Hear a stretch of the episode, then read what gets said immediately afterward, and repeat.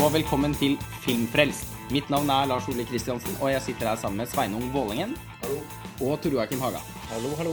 Eh, alle i montasjeredaksjonen. Og vi har nå kommet fram til vår nokså tradisjonsrike Oscar-episode, der hvor vi kategori for kategori eh, diskuterer de forskjellige nominerte og kommer med våre stalltips til hvem vi tror skal vinne Oscar-prisene natt til mandag, og hvem vi synes at faktisk burde vinne eh, prisene. Eller hvilke filmer vi faktisk eh, synes burde vinne prisene. Så vi eh, begynner rett og slett på Vi har printet ut en liste her med alle kategoriene og fra Internet Movie Database, og vi begynner rett og slett på bunnen her, som er beste produksjonsdesign.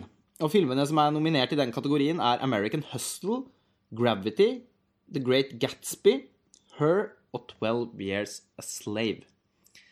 Har du eh, noen formening om eh, hvem som er favoritt her, eh, Sveinung? Eh, ja, nå har jeg ikke sett American Hustle. Det er den eneste jeg ikke har sett av disse filmene. Men jeg har eh, fått en slags følelse av det kanskje er en favoritt, siden den eh, Det er noe med den der det veld, Den veldig sånn retroaktige stilen, den dyrkingen av 70-tallet, som jeg har forstått er veldig fremtredende i den filmen.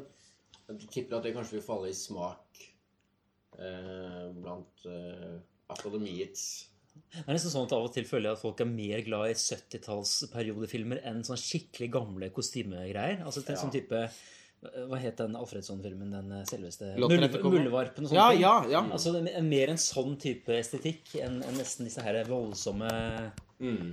Greiene. Så jeg tror det er faktisk et godt poeng. altså. Ja, for det, det virker som om det, det produksjonsdesignet der eh, Nå er det jo eh, Nå ja, tenkte jeg veldig på det sammen med kostymer.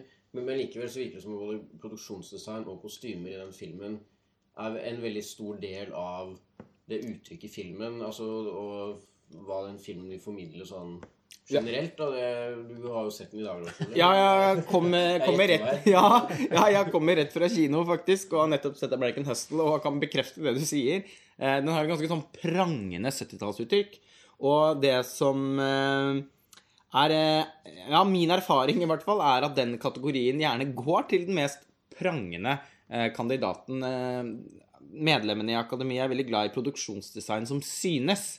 Eh, Men eh, jeg tror nok likevel eh, de er såpass liksom tradisjonelle i sin orientering her at de går for The Great Gatsby. Det er mitt tips. Det er jo helt klart, altså, det er jo det mest prangende av filmene i kategorien også, uavhengig av 70-tallsfetisjen som man Ja. må ha. Og den er jo ikke bare prangende i produksjonsdesign, men også hvordan produksjonsdesign blir eh, holdt på å si, belyst og sant, fargelagt. Altså, det er mye, Ja. ikke sant? Den er liksom så massiv eh, totalt sett, da. Ja, eh, jeg er veldig jeg er ikke, nå er ikke jeg så veldig glad i filmen, men akkurat det aspektet der, det, det slo meg også. Ja. Eh, The Great Gatsby var heller ikke min fjorårsfavoritt. Men eh, selv om jeg syntes filmen var relativt underholdende. Men eh, eh, produksjonsdesignet er faktisk veldig flott. Og det er veldig typisk for akademiet å gå for. De ville, altså, jeg ville blitt særdeles overrasket hvis de f.eks. gikk for Gravity. Eh, fordi der tror jeg de tenker på produksjons... De, de, de elementene som er produksjonsdesign der, tror jeg er mer tenket på som spesialeffekter. Ja.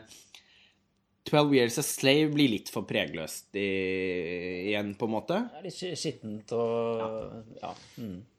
Her, derimot, som jeg også så i dag mm, um, Nå kan vi snakke litt mer om den filmen etter hvert. Eh, Det var mye hadde problemer med i den. Men uh, produksjonsdesignet var jeg veldig imponert over. Det syns jeg var fantastisk flott.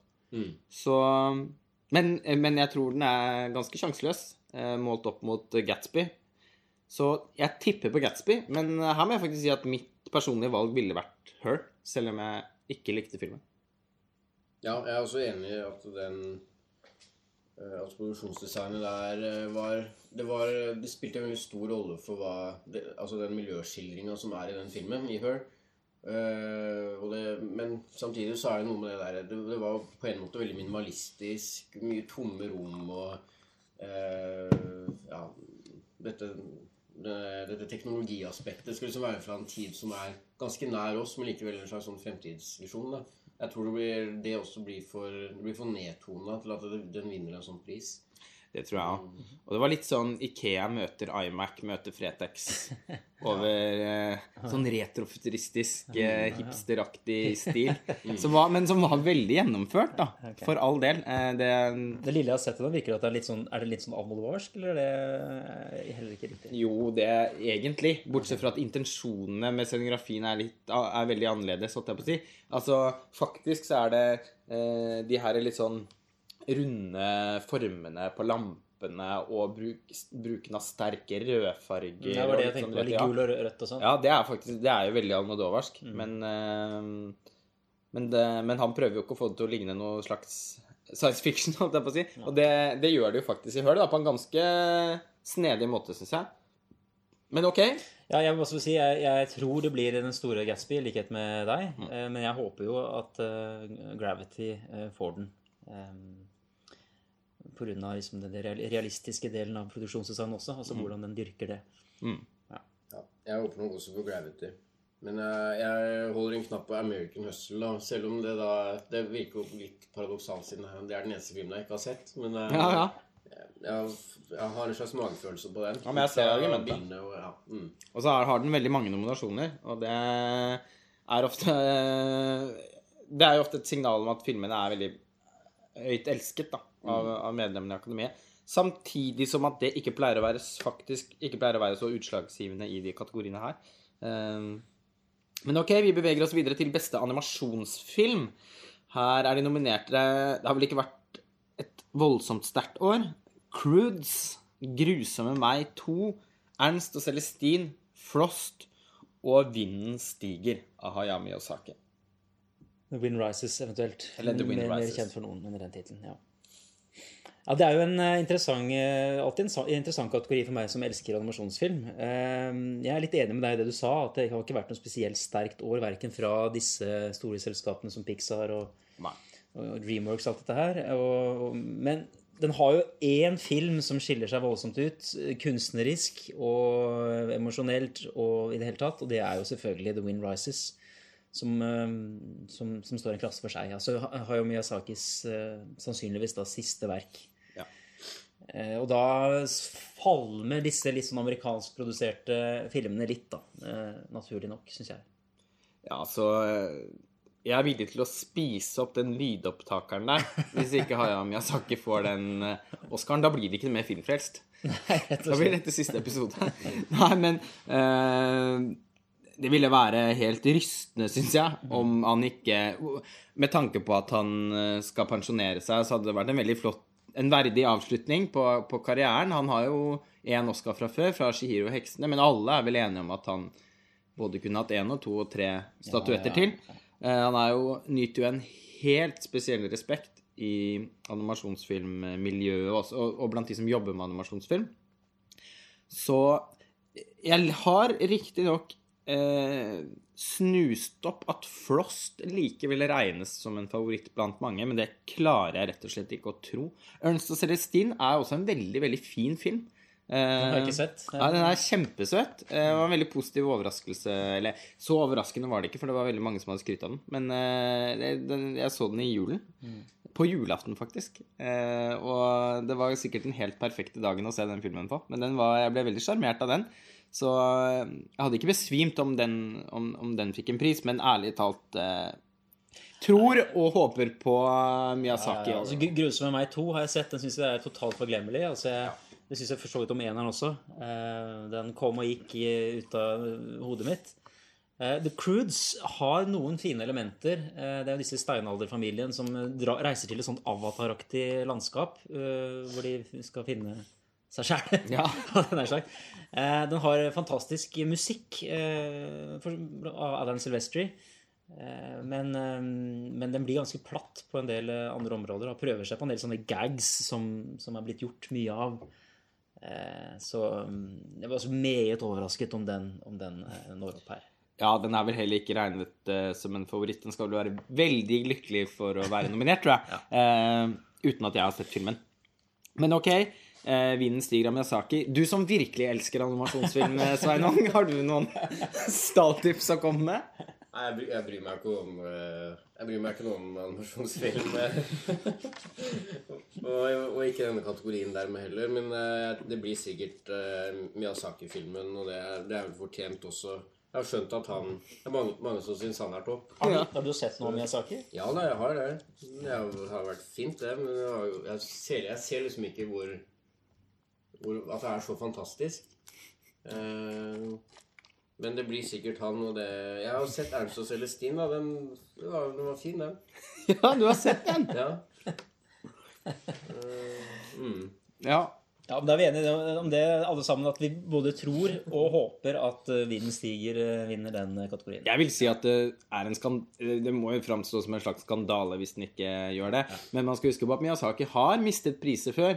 Eh, Jeg holdt også på å besvime da Det levende slottet ikke fikk Oscar. Eh, I Når var det? 2004? Kanskje? 2006? var vel. Eller, nei, 2005-2006. Ja. Og da Ja, den var riktignok ikke favoritt, for det var da Wallace og Gromit og Varkaninens hemmelighet. Men eh, ja. Det var ingen tvil om hvilken film jeg likte best, i hvert fall. Ok, vi må bevege oss videre til eh, beste ikke-engelskspråklige film, eller Best Foreign Language Film of the Year. Og her er de nominerte The Broken Circle Breakdown fra Belgia, eller eh, Alabama og Monroe, som den vel het eh, i, på norske kinoer. La Grande Bellezza, Den store skjønnheten, en av de montasjefavorittene fra fjoråret, fra Italia. Jakten, fra Danmark, av Thomas Winterberg.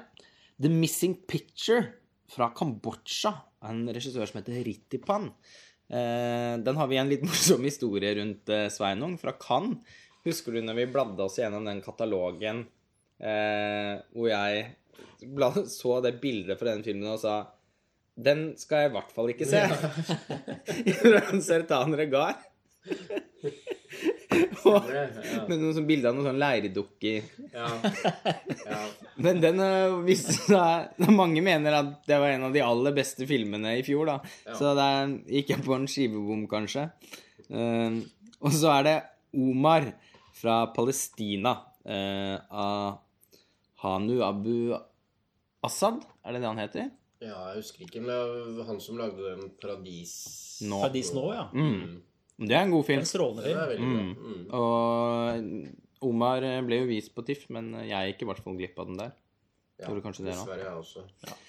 Um, ja, hva er dine Hva er ditt uh, Nei, her har ikke jeg se, Jeg har ikke sett Broken Circle Breakdown, Missing Picture eller Omar, så det er jo ganske vanskelig for meg å Men jeg kan, det jeg kan si, eh, og det har jeg også nevnt i tidligere podkaster, er at jeg ikke likte Jakten. Veldig upopulær mening å ha, for den er veldig godt likt i de aller fleste kretser. Både kritikere og publikum liker den. 'Å, det er så viktig film, tar opp eh, overgrep mot barn'. Ja, men det, det, irriterer meg med, det som irriterer meg med den, er at den hamrer inn poengene sånn som Faye Weldon gjør. Som få, altså den feministiske forfatteren. Som skal få oss til å sympatisere med kvinnen. Og kvinnen har det så fælt! Å, herregud, hun har det så fælt! Og, og det var litt den samme følelsen jeg fikk i denne filmen også. Ehm, Det ble manipulasjon på feil måte. Derfor er valget enkelt for min del. Eh, den store skjønnheten, La Grande Bellezza, som også var litt så visste ikke helt hvor jeg, om jeg likte den i starten. Og så har jeg bare elsket den mer og mer. Ja, for Den den endte, vel opp, den endte vel opp på andreplass på listen? Den endte opp på andre eller tredjeplass. Andre eller tredjeplass på listen. Ja, ja, fantastisk film er det. Så, um, og og det, det har vi snakket om mye tidligere. Ja. Så, så jeg, jeg håper den vinner, men jeg tror kanskje, uten å ha sett disse tre filmene, så tror jeg at eh, Jakten har en sjanse. Hva tenker du? Jeg likte jakten veldig godt. og jeg er veldig, kan være veldig var på det der når folk, når filmskapere skal prøve å manipulere fram følelser hos meg. Men jeg syns den, jeg den filmen var så ærlig på at den dypest sett var et melodrama. Uh, at, uh, og jeg, jeg, jeg syns den ble veldig sterk, og det, den var liksom så ærlig i formen sin, syns jeg.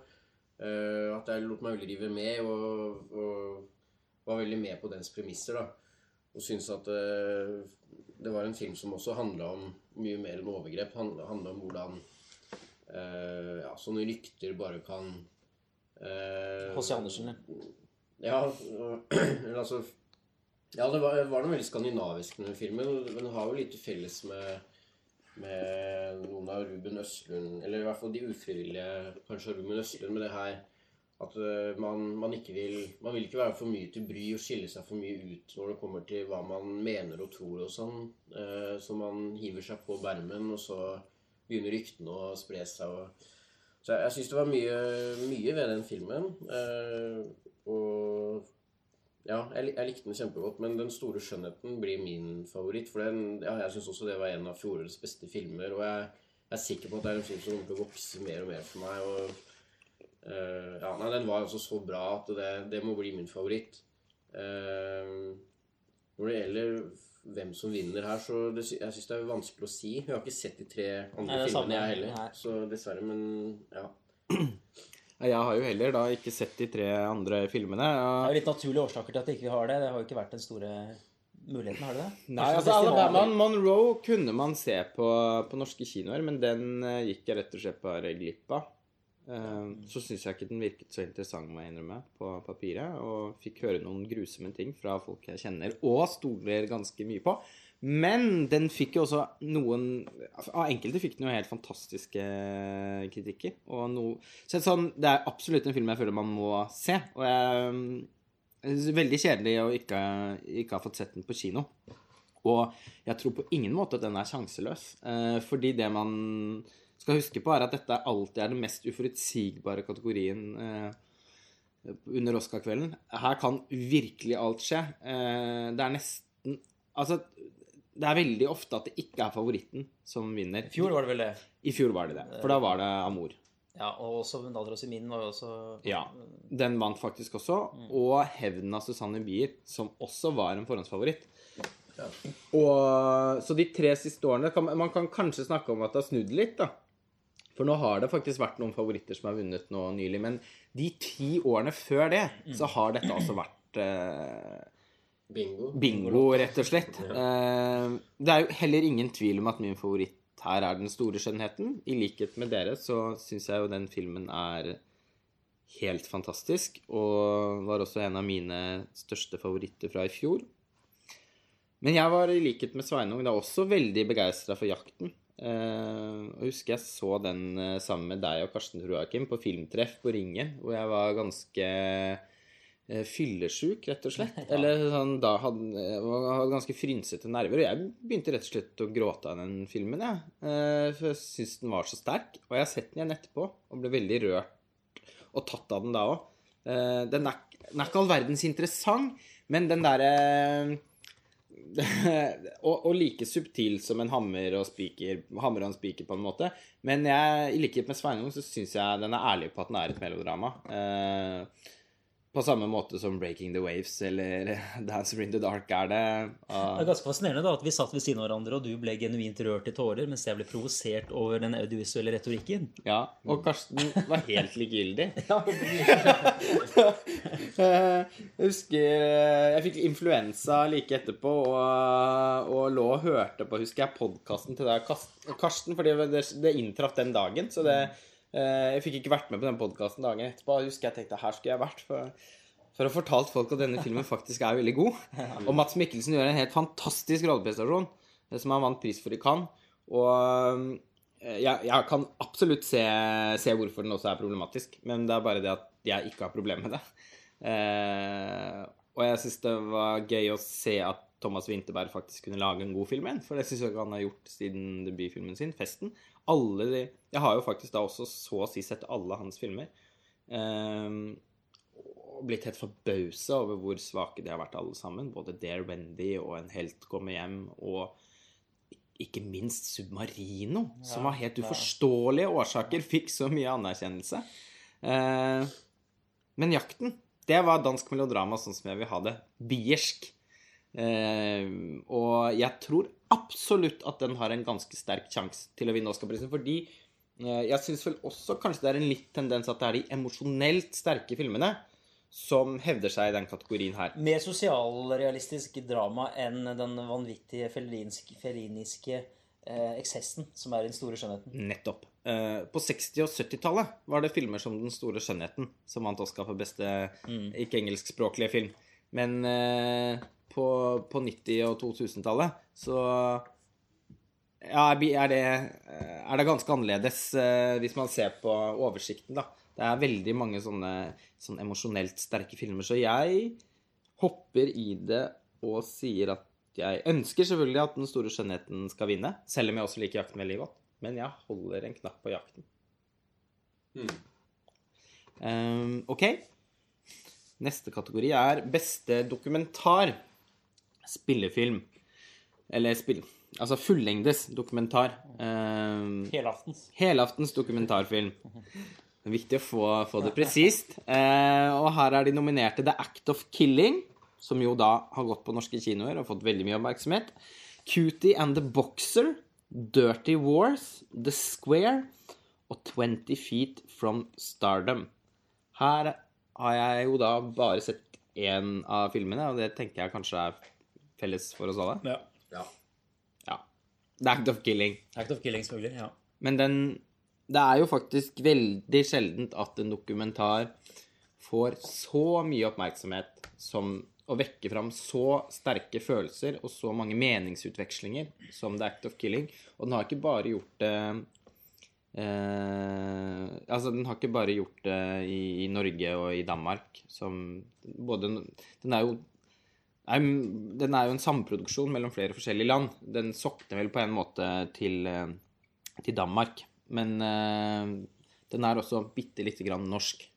Og, men det er da ikke Det er slett ikke bare i Skandinavia at den har gjort At, at, at den har blitt eh, en Og snakkis. det er jo dette snuff-perspektivet som veldig mange er litt opptatt av. Mm. At den fremstiller, altså at den bruker de, de overgrepsmennene eller disse eh, massemorderne som hovedpersoner i, i filmen. Eh, og gjenskaper en del av de situasjonene. Når de da drev, bedrev folkemord, ikke sant, som er kontroversielt og s- må kalle det for snuff, jeg vet ikke. Her kan man diskutere frem og tilbake, men, eh, men det er jo andre kvaliteter ved den filmen enn akkurat den, den tematikken der som er interessant. Eh, Iscenesettelsen og blandingen av, av realisme og litt sånn Kanskje ikke talking heads, men hvor man følger de og snakker litt med de i situasjonene og de her veldig stiliserte greiene. Og da er det jo spørsmålet igjen om det kan bli litt sånn fremmedgjørende for uh, det amerikanske Oscar-akademiet, eller om det er uh... Jeg tenker at kanskje presset er så stort der for at det skal bli den som vinner, at det bare, at det bare blir den, rett og slett. Det tenker jeg jo. Jeg tenker at Siden den er ingen for av de andre filmene har liksom utmerka seg så Nei, det kan veldig være Jeg har lest noen ord om den Cutie and the Boxer. eh, At den eh, kan At den er en underdog. Men, eh, men jeg tenker akkurat det samme selv. At den simpelthen er for stor. Uh, de, Den ble kåret til årets fjorårets beste film uh, av så mange internasjonalt Altså altså store, internasjonalt store filmmagasiner, da. Mm. Eh, alt fra ja, Sight and Sound hadde, eh, hadde vel den på førsteplass, Ja. tror jeg. Så det, det ville fremstå veldig underlig hvis den, hvis den ikke vinner. Så jeg både Nei, Jeg ser ikke noen grunn til at de skal være obsternasi i den kategorien der. Det hender jo at de av og til at de er det. Ja, og at det er litt tilfeldigheter som spiller inn, fordi folk stemmer jo. Så det er jo et Ja. demokrati. Så, men eh, jeg får jo si, da, uansett de fire andre, at jeg både håper og tror på, på den, da. Ja, jeg må jo nesten da si det samme, selv om eh, jeg ikke kjenner Ikke har sett de andre, og, og hvem vet? Kanskje, kanskje min favoritt ligger blant dem. Men eh, Ja. Selv om jeg holder på å kaste opp bare å tenke på The Act of Killing, så har jeg veldig respekt for den filmen, og, og, og tror jo også at den vinner. Det er vi vel alle enige om, da. Ja. Da kan vi gå videre. Mm. Best Documentary Short Subject, den uh, hopper vi over. Uh, for der har vi ikke sett noen av de nominerte. Og det samme gjelder uh, beste kortfilm live action og beste animerte kortfilm. Der kommer vi rett og slett til kort. Nå pro- provoserer vi sikkert Grimstad eh, befolk, altså publikummet her, men det, det er Ja, jo Og du sånn som er fra Grimstad? Ja, jeg som er fra Grimstad i tillegg, er jo krise. da kan du aldri komme igjen. Men eh, vi hopper galant over de likevel, og går rett på Ja. Din eh, favorittkategori må det vel nesten være, tror jeg, Ja, det er det helt klart. Beste filmmusikk. Yes. Og da er de nominerte eh, Boktyven av John Williams, Gravity av Stephen Price, Her av Will Butler og Owen Pallett, aka Arcade Fire, Filomena av Alexander Desplat og Saving Mr. Banks av Thomas Newman. Eh, så da kan jo du begynne å Ja, begynne, ja. Joakim? Ja, her har jeg for en gangs skyld både altså, hørt alle. Eh, Jeg vet ikke om jeg har sett alle filmene, eh, men jeg har i hvert fall hørt alle soundtrackene her. Og eh, det er, sånn jeg ser det, eh, mange muligheter her. Eh, Jeg tror, altså John Williams blir jo nominert hvert eneste år, uansett om han Hvis han har laget noe. ja, han kan rape inn en mikrofon, så blir han nominert. Altså, men det er, for å si det litt sånn blødmete, da, fordi han er jo nå, nåtidens mestvinnende, eller mest nominerte person. Person, ja. Med 49 nominasjoner er og fem priser i tillegg. Så, så han øh, Men, men tror, hvert år, så, eller i hvert fall siden Schindlers liste, så har han tapt alle disse nominasjonene fordi øh, man har liksom ikke funnet noe som kan stå sammen med liksom High Summer, Star Wars, ET, Schindlers liste og da uh, Spellemann på taket, denne musikalen. Så jeg tror ikke han vinner for Boktyven, som ikke er så veldig spesiell. Det er klasse over det, men jeg tror ikke den, den vinner. Eh, Gravity er den jeg tror er den sterkeste kandidaten her, av Stephen Price. Fordi eh, det er jo mye lyddesign her, ikke sant? Og det er sparsommelig, men når det først kommer inn, så skal det være så effektivt. Det er den eneste Nesten den eneste ikke-diagetiske lydkilden som fins i da, dette universet, bokstavelig talt. Eh, Her er jo da, hvis man er glad i indie-rock, indie-pop-tradisjonen, og det har jo hendt de siste årene at de har fått priser, f.eks. da For eksempel da Nå står det plutselig stille. Um, Jo, eh, Trent Reznor, eh, selvfølgelig. Ja. Fra Nine Inch Nails, som uh, vant med Social Network.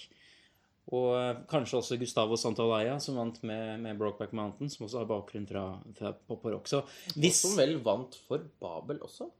Babel også, helt riktig. ja. Fantastisk populær en periode. Ja, og det er morsomt det at når han vant for Babel eh, Fordi det temaet som Det Ignatsu, eller hva det heter for noe, Ja. som jo på en måte er Alle husker som et slags hovedtema i Babel. Gitarklimplingen. Ja. Ja, ja. Dun, dun, dun, dun, dun, dun. Eh.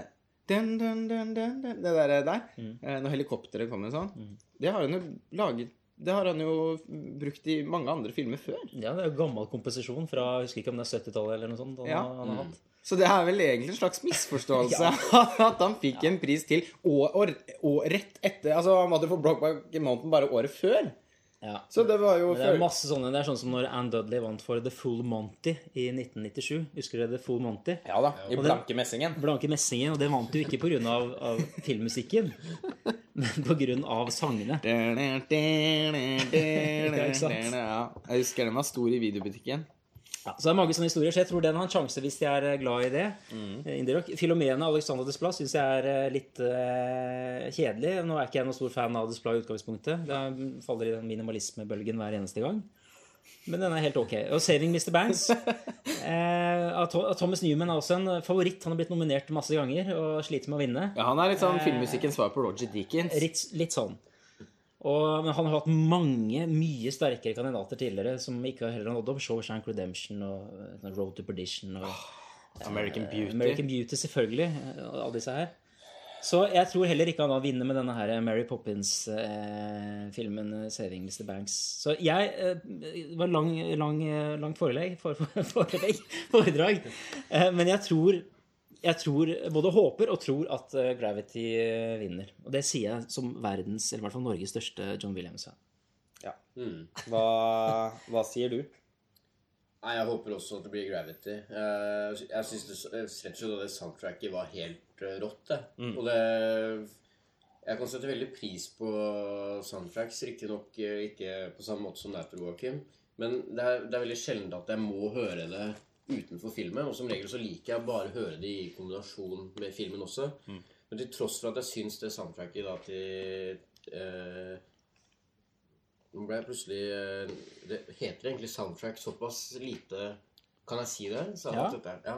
Partitur, da men høres det veldig fancy ut. da. Ok, ja. Men det blir riktig å si soundtrack. Eller originalmusikk? Originalmusikk. originalmusikk musikk kan du si. Eller filmmusikk? Ja, for det er kanskje det I hvert fall det, det Altså eh, originalmusikk, da, skrevet til film, liker jeg stort sett å høre i kombinasjon med filmen. Og selv om jeg syns musikken til Gravity er Den er så utrolig eh, liksom bundet sammen med alt det andre i filmen, lyddesignet, alt som skjer, likevel så har jeg måttet høre på det soundtracket, eller originalmusikken, så mye eh, separert, da, for jeg syns det er så utrolig bra. Så er Bra! Dette liker jeg å høre. Ja. Så det er definitivt min favoritt. Og jeg, når jeg ser de andre her, selv om jeg har ikke hørt, uh, hørt uh, det til Her har du vel kanskje Her har jeg hørt, og det, hørt. det syns jeg var Jeg liker uh, altså Will Butler fra Arcade Fire. Jeg, jeg liker de to første platene til Arcade Fire veldig godt. Det siste syns jeg var, jeg ikke så fan av. Nei, ikke heller. Og jeg syns at musikken i Hør faktisk er litt anonym. Og Oven Pallet eh, liker jeg også ganske godt, eh, men der bet jeg meg egentlig bare merke den låta som vel kommer helt til slutt når rulleteksten kommer, som var helt sånn umiskjennelig han, da. Men det, nei, jeg syns det var eh, ganske anonymt. Altså, alt av musikk i den filmen omtrent. Så jeg håper også tror eh, Gravity vinner, men eh, da uten å ha hørt de tre resterende, rett og slett fordi jeg ikke har sett filmene. Nei, eh, jeg syns jo Jeg er også veldig begeistret for de to første platene til uh, Arcade Fire. Og klarer, klarte ikke helt å bli så bestevenn med The Suburbs. Nei. Jeg har heller ikke det Reflector, Nei. det nye, men det må jeg kanskje høre litt mer på. Men uh, jeg syns i hvert fall musikken i Høl var fantastisk pregløs. Det var noe pianoklimpring og her og der. Men jeg syns jo det ville være helt vanvittig hvis den skulle vinne den prisen. Men jeg tror absolutt det er en sjanse for det. Eh, nettopp som du sa i stad, Joakim, så har man sett eh, noen tidligere eksempler på det. Det blir et litt sånn populistisk valg.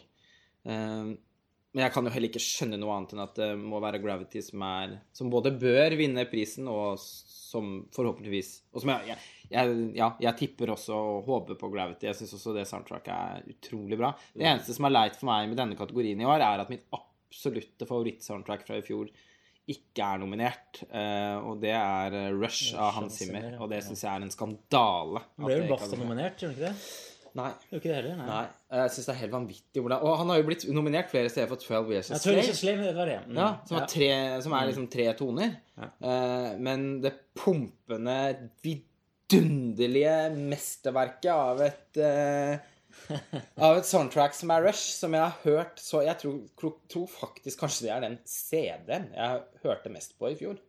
Eh, så for meg er det en sorg at den ikke er nominert, for det ville vært eh, min favoritt. Men vi må forholde oss til virkeligheten, og da er det Gravity som også er eh, Jeg er også enig i at det er et av fjorårets absolutt beste soundtrack. La oss ikke satse på at det blir et nytt 1986, hvor, hvor eh, Herbie Hancock vant for eh, Round Midnight. eh, til fordel, Som var en ti, ti minutters liten snutt eh, av masse sanger. Til fordel for da Ennio Morricones The Mission. Eh, James Horners Aliens og Jerry Goldsmiths Hoosiers. La oss bare håpe at ikke det skjer igjen. Ja. Nei, Begravelsesagenten har i hvert fall bitt seg merke i. The Mission Soundtrack har fått et langt liv. Det, ja, det, det er Jeg har vel nesten Jeg tror kanskje aldri jeg har vært i en begravelse uten Gabriel Sobo, jeg. Men det er jo Fikk iallfall langt etterliv eh, da også etter begravelses... Ja. Eh, ja. Etterliv. ja, nei. Eh, eh, men nå hørtes det ut som jeg spøker med soundtracket. Jeg syns jo soundtracket til The Mission er selvfølgelig er helt fantastisk. Ok. Beste sang. Der har jeg vel ikke så veldig mye å komme med, rent bortsett fra Her er de nominerte 'Grusomme meg 2', 'Frost', 'Her' og 'Mandela Long Walk to Freedom'. Det er da Bono som har sangen på sistnevnte. Nå blir det veldig klønete at jeg går bakover igjen. Ok, men ja, det må vi bare gjøre. Det er Car Karen O som har eh, sangen til Her. Som også hadde musikken til uh, Where the Wild Things Are. Ja. Sammen med Carter Burwell. Ok.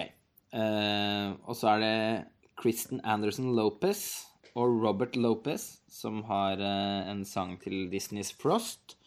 Og så er det Pharrell Williams som eh, har laget en musikk til 'Grusomme meg 2', 'Happy', som jo faktisk har blitt en veldig stor hit eh, da i USA. Og Uh, Pharrell Williams uh, han er jo på en bølge om dagen. Uh, så jeg vil vel kanskje tenke at Ettersom Happy også er en såpass stor hit, at, at den tar med den, eh, den prisen. Det er mange som har skrytt av sangene i, i Frost også. Den Eh, den sangen til Karen Owie, Her, kan jeg ikke helt forstå at kan være noen favoritt, egentlig. Men, den, men hun er jo en litt sånn populær figur Mm. i Kultfyr? Ja. Og vokalister Det er vel The Yeah Yeah Yes. det Ja, ja, jeg ja. ja. Riktig.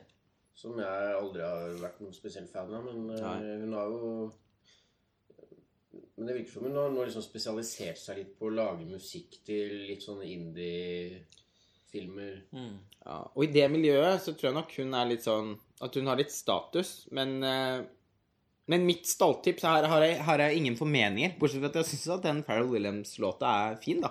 Happy. Men eh, den, det er i hvert fall min spådom at det blir den. Ja, ta, altså, Som man kanskje hørte, så er det bare fire eh, titler med i denne kategorien. Og det er for den, fordi den femte kategorien ble diskvalifisert. Og Det var av min jeg på å si min gode venn, det er han kanskje ikke, men komponisten Bruce Broughton, som jeg møtte i fjor i, i Los Angeles. Han hadde skrevet en sang. Jeg husker ikke hva den heter nå. All Alone, eh, et eller annet. eh, Noe sånt. Eh, For en litt sånn totalt ukjent kristenpropagandistisk film. Eh, Eller i hvert fall beregnet på liksom, det, det kristne eh, publikummet i USA. og det ble kontrovers rundt det fordi eh, Broughton eh, var medlem av Akademiets musikkbransje Hva heter det? altså musikk... The Music Branch av Akademiet. Og han var til og med governor av, dette her. Så, og da var det litt sånn Så hadde han sendt en mail til Akademiet hvor han sa at nå har jeg lagd en fin sang, fint om dere gir en, tar en liten lytt på den.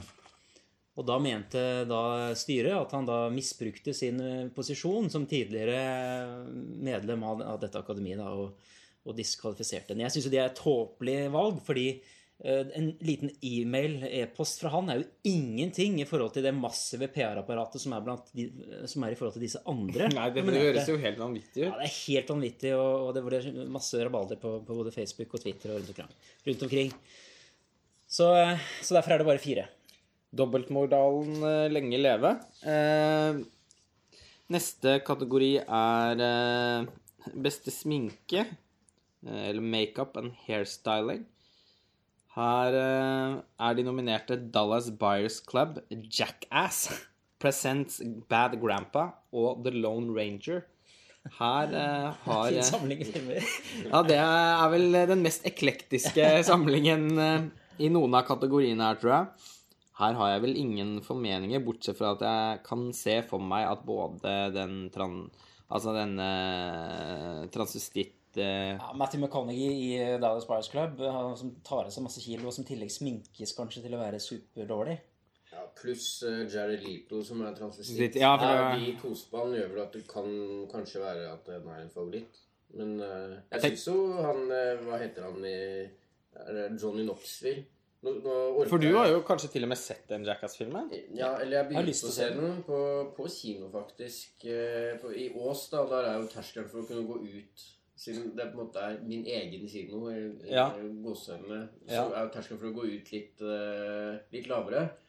Men den filmen syns jeg altså var så grusom at jeg orka ikke å, å se den ferdig. Men jeg, men jeg ble veldig imponert over sminken til han Johnny Knoxville. Det må jeg, det må jeg si. Ja. Og, og måten han er sminka som en gammel bestefar på Mm. det, var, det var litt imponerende. Men om du, det vil overraske meg veldig om det blir den som vinner. Det, Det er ikke seriøst nok på mange måter, Nei. sikkert. Eh, Det samme gjelder jo Lone Ranger òg. Altså, at det blir mer en sånn eh, altså Når det blir liksom går over i komedie, så er det ikke så Jeg vet ikke, jeg. Men jeg så Johnny Depp på den plakaten med den uh, hvite sminka og en fugl på hodet. Jeg tenkte, ja, nei Men det, det har jo ikke, trenger ikke å ha noe med sminkearbeidets kvalitet å gjøre, selvfølgelig. Nei. Nei, det ser ut som Jeg tror det er ganske Stalltipset der er vel Dallas Buyers Club. Ja. Uh, neste kategori er beste spesialeffekter. Og de nominerte her er Gravity, Hobbiten Smaugs ødemark, Iron Man 3, The Lone Ranger igjen, og Star Trek Into Darkness. Um, Kategori som på, på overflaten virker ganske klar, kanskje, men som uh, kanskje ikke er det. Altså, Alle her tenker sikkert på Gravity igjen. Uh, fantastiske effektene. Men jeg mener jo også at det var mye flott i Jeg var jo veldig begeistret for Hobbiten Smaugs ødemark, i motsetning til mine to kolleger her. Og, og mye av det er jo effektene, altså de visuelle Altså stedene spesielt. Den her, hva heter den her eh, elvebyen? eh, Den uh, River der, holdt jeg på å si. Den, Nei, eh, eh, Town uh, eh, Ja. Ja. Skjønner hva jeg mener? ja. Der du kommer inn i Ja, Lake Town, ikke det? Jo, det er Ja. Som altså er så fantastisk gjort. Ikke bare produksjonsdesign, men også effektene rundt med fjell og tåke og, og alt mulig. Så, så stedsmessige effekter i den filmen syns jeg er helt fantastisk. Mm, ja. ehm, jeg var ikke så imponert av spesialeffektene i noen av de to Hobbiten-filmene, bortsett fra at jeg syns at Smaug var veldig, veldig flott. Selve Smaug, ja. ja, ja han alene ville jo Mm. eh, Ja, han er jo råflott, men jeg syns det er for mange av de andre effektene som er alt ser altfor dataaktig ut, rett og slett. Eh, Jeg syns jo effektene i Hobbiten-trilogien utro, I hvert fall mange av dem utrolig nok er dårligere enn effektene i Ringenes herre-trilogien. Men det har vi snakket om før. Men det handler mer om at der er det jo mer bruk av fysiske effekter. Og modeller og miniatyrer og, og sånne type ting. Um, så jeg er ikke så glad i den, det veldig digitale uttrykket da, i, som jeg syns preger Hobbiten-filmene. Jeg, jeg håper absolutt på Gravity i den kategorien her, og vil også Og tror også at den tar prisen. Det Jeg vil spå Ut fra hva jeg har oppfatta, i hvert fall av buzz på internett og sånn også, så er vel dette en av kveldens aller sikreste priser. Og i hvert fall hvis, hvis mot formodning Gravity skulle tape en del av de andre mer prestisjetunge kategoriene, så vil den jo i hvert fall få, sånn som mange av disse filmene får, Ja. trøstepris i Visual Effects. Ja, og det skal vel utrolig mye til for at den ikke vinner. Det, det, det skjer ikke. Nei. Jeg håper også og tror at det blir Gravity. Og nå har jeg, ikke, jeg har ikke sett den i 2D ennå, jeg har bare sett den i 3D Mm. eh, flere ganger, da. Men jeg, jeg syns også det at det liksom er en 3D-film som er så overbevisende eh, sånn visuelt, det Ja, det er, det er ikke så ofte, da. Og, nei, jeg syns, syns effekten i den filmen var så eh, var så utrolig, rett og slett. Nå, nå var jo Altså, alt i den filmen ble jeg jo rett og slett veldig begeistra for, så det var jo Jeg syns jo det Ja, det ble nummer to på min, på min liste over fjorårets beste filmer. Men det, det var en stor del av det, selv om jeg vanligvis ikke er så opptatt av effekter. Så Nei, jeg håper også at det blir Gravity. Og ja, jeg tror også det at det blir den når jeg ser de andre nominerte. Mm. Ja, det, det, det, det jeg, ja, jeg blir helt uh, fantastisk overrasket hvis den ikke vinner. Og uh, det er jo også da en tendens de siste årene rundt at det er en 3D-film som vinner effektprisen. Sånn som både Life of Pi og, og Avatar. Ja. Uh, og det er ofte det, det er også en av de kategoriene som det ofte er enklest å spå på, for, på forhånd, fordi det gjerne er en veldig klart definert favoritt. I fjor med historien om Pi så var det, var liksom, det var ikke noen tvil. Hadde ikke den vunnet den prisen, så ja, Da hadde det jo vært helt vanvittig. Uh, så har vi beste lydklipping og, uh, og beste lyd. Eller sound mixing og sound editing. Eh, jeg vet ikke hvorvidt vi har så sterke meninger om de prisene, men jeg kan jo i hvert fall lese opp hvem som er nominert. For beste lydklipping så er det All Is Lost, Captain Phillips, Gravity, Hobbiten Smaugs ødemark og Lone Survivor. Eh, og for beste lydmiks så er det Captain Phillips, Gravity, Hobbiten Smaugs ødemark, Inside Levin Davis og Lone Survivor. Eh, en del overlappende nominerte i disse to kategoriene, naturlig nok. Eh, jeg har ingen voldsomt sterke meninger, rent bortsett fra at jeg syns at lyddesignet i Gravity er helt fantastisk bra. sånn Så, men jeg er også ganske imponert over lyddesignet i Captain Phillips. Eh, og jeg eh, tror nok faktisk at lydklippprisen eh, Så spår jeg at Captain Phillips vinner den. Og så tror jeg Gravity vinner lydmix-prisen. Det er i hvert fall min spådom. Ja, det syns jeg høres sannsynlig ut. Eh, Det er noe med den settinga til Captain Phillips der ute på båten ute Det er litt det krever litt mer også, å få liksom satt sammen lydbildet i den realistiske settingen. Ja, det gjør det. det, har- der, er- der er også en liten tro på Odis Loss, som også er ute på sjøen og en båt og overlevelse og knirking og knaking og bølger og vind og, og Ja. regn. Som den også gjør helt utmerket. Eh, dyrker det til fingerspissene. Så Det er en sånn outsider, føler jeg, og Is Lost i Ja. Skatorien beste lydklipp. Ja, Kjempetrøttsom film, syns jeg. Men uh, I motsetning til alle andre som syns at den er så fantastisk. Men, uh, eh, men Captain Films derimot likte jeg veldig godt. Og uh, der, der, der syns jeg faktisk at lydbildet er ganske suggererende. Lyden av sjø og når de spyler på piratene Og settinger i Kjet... båten. Ja. og Det er mye bra der. Eh, Jeg syns det, og Kjetil Grevotten, uh, kategorien oppsummert. Mye bra der. Eh, Ja, men uh... Jeg, jeg, jeg håper også Gravity vinner kanskje egentlig begge de to kategoriene, da. Ja. ja. Nei uh, Da Vi er vel relativt enige om i hvert fall at, at, eh, at Gravity og Captain Phillips kanskje er de som har utmerket seg mest. På hver sin måte. Eh, så er det prisen for beste klipp, og det er alltid en veldig interessant pris. Fordi eh, forbindelsen mellom beste film og beste klipp er veldig tett. Eh, Det er veldig sjeldent at filmen som vinner for beste klipp, ikke vinner for beste film. Eh, faktisk nok. eh, eh, faktisk nok, sier jeg. Eh, utrolig nok, på en måte, kan det høres ut som, men det er eh, Sånn historisk sett så er det prisen for beste klipp en av de sikreste indikatorene på, på beste film. Så man sitter og ser Oscar sitter og, og, og følger med på Oscarshowet, så er alltid den prisen veldig spennende, fordi hvis den da går til en av favorittene for beste film, så er det nesten alltid den filmen som vinner. Når det er unntak, så går det gjerne til noe helt annet. Eh, og unntak er f.eks. The Matrix og eh, Born, The Born Ultimatum og in, eh, Ja, nå kommer jeg ikke på noe andre. Men i hvert fall de to er, er unntak, da. Um, men sånn som i fjor, for eksempel, Argo, som jo ikke var nominert til beste regi engang, eh, den vant beste klipp. Og så vant den jo beste film også. Så de nominerte her er American Hustle, Captain Phillips, Dallas Buyers Club, Gravity og 12 Years a Slave. Mye av de samme filmene som går igjen hele veien eh, her. Som, som alltid. Ja Det er så teit å hele tida si Gravity, selv om jeg har veldig lyst. Men uh, Det er lov. det er Har du lov. lyst, har du lov. Ja, det blir så vanskelig å unngå. For jeg syns han er så nesten perfekt i eh, sitt uttrykk og sin eh, teknikk og sin realisering.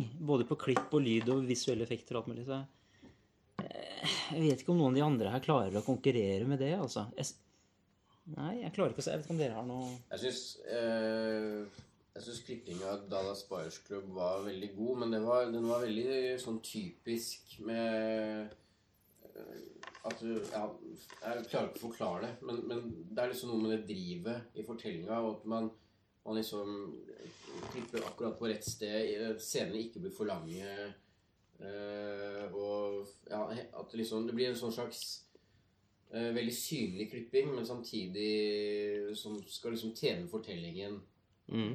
eh, hele tiden. Eh, jeg følte at det var Den liksom fører seg inn i en sånn klippestil som jeg har eh, eller som har blitt veldig vanlig. Som, som sagt, jeg klarer ikke å forklare det. Det er veldig vanskelig når man ikke kan vise, ja. vise det. Men Så jeg Jeg vet ikke, jeg Det er vel ingen av de som har sånn frenetisk klipping? Sånn som man så... Nei. Jo, Captain Phillips. Ja, jo, kanskje til en viss grad Ja, den Ja. har litt det. Mm. Eh, Det er den mest klippete klippefilmen. ja. Og det kunne vel ha vært Wolf of Wall Street, da. Eh, Altså, denne Som uh, av en eller annen grunn ikke er nominert til Thelma Schumacher. Ja, altså, denne kategorien er en katastrofe i år. Uh, Thelma Skomaker, at hun ikke Som alltid blir nominert. uh, og alltid veldig fortjent nominert òg. Sånn som John Williams i musikk, ikke sant? Ja. Eh, hun, ja, hun er filmklippingens John Williams. Hun og Michael Kahn. Og at, at hun ikke er nominert for Wolf of Wall Street, syns jeg altså er så ufattelig at jeg nesten ikke klarer å ta den kategorien seriøst. Jeg syns også det er ganske vanvittig at Rush ikke er nominert for klipp. Ja, den også var strålende, husker jeg. Ja, så det Men man må Nå blir jeg veldig på de ordspillene. Man må ta det man har. Man tager det man har. Så fryktelig. Eh, eh, så min eh, altså, Klippingen i Gravity er jo uh, veldig flott. Men det er jo en veldig sånn Det er kortfilm, da, så det, det gjør det jo lett for seg selv. Vi har jo litt kortere spilletid enn en del andre. Så Og lange tagninger og lange tagninger i kortfilm. Jeg føler at det ligger veldig i regien, da. Ja, enig. Og manus, faktisk. Ja. At det er ikke klipperens prestasjon. Det er det mer at Ja, at liksom de, eh, det at det er holdt veldig tilbake med klippinga til fordel for de andre Men jeg føler at hver eneste, tag, ja. hver eneste tagen i alt er så nøye planlagt på forhånd, så jeg tror ikke klipperen har sittet og liksom Les, les, lekt deg med dette materialet. seg Og så kan man si at det er, kan jo være en like stor Altså, klippingen i seg selv ble ikke noe mindre Altså, kunstnerisk imponerende nødvendigvis. At, at, at folk jobber på den måten med film, er jo noe av det beste jeg vet. Det er akkurat som Brian De Palma sine filmer. Det er ikke noen, det er ikke noen som har lekt seg i klippen der heller. Eh, men, og, og filmene er jo like fullt helt fantastisk godt klippet. Men eh, eh, På tross av det så, så blir mitt valg faktisk da den mest som jeg sa i stad, den mest klippete klippefilmen, eh, som er Captain Phillips. da. Jeg tror også den er eh, Jeg tror også den vinner. Eh, jeg ser for meg at det blir en av de mer spennende Uforutsigbare, kanskje? Ja, og jeg ser for meg at det er en av de litt spennende bruddene i løpet av kvelden. Fordi det er en del Selv om dette kan høres litt overraskende ut, så er det faktisk en del buzz på Captain Phillips eh, på, på beste film, fordi den kategorien er så åpen i år. Og eh, be- beste klipprisen kommer til å være litt avgjørende her. Jeg vil ikke si jeg, jeg, mener ikke at Captain Phillips vinner beste film nødvendigvis bare hvis den vinner beste klipp, men det vil være et eh, det, vil gjøre at eh, det blir enda litt mer åpent. Hvis Gravity skulle vinne beste klipp, er det veldig interessant. For det kan være ganske utslagsgivende også for beste film. Og den trenger litt sånn støtte på veien i løpet av liksom kvelden. Så skulle den ta den prisen, så vil det være uh, ganske viktig for den. Hvis den mister prisen, så tror jeg ikke det er sjanse i havet at den får beste film. Eh, og da snakker jeg som sagt da ren sånn statistikk, rett og slett. da.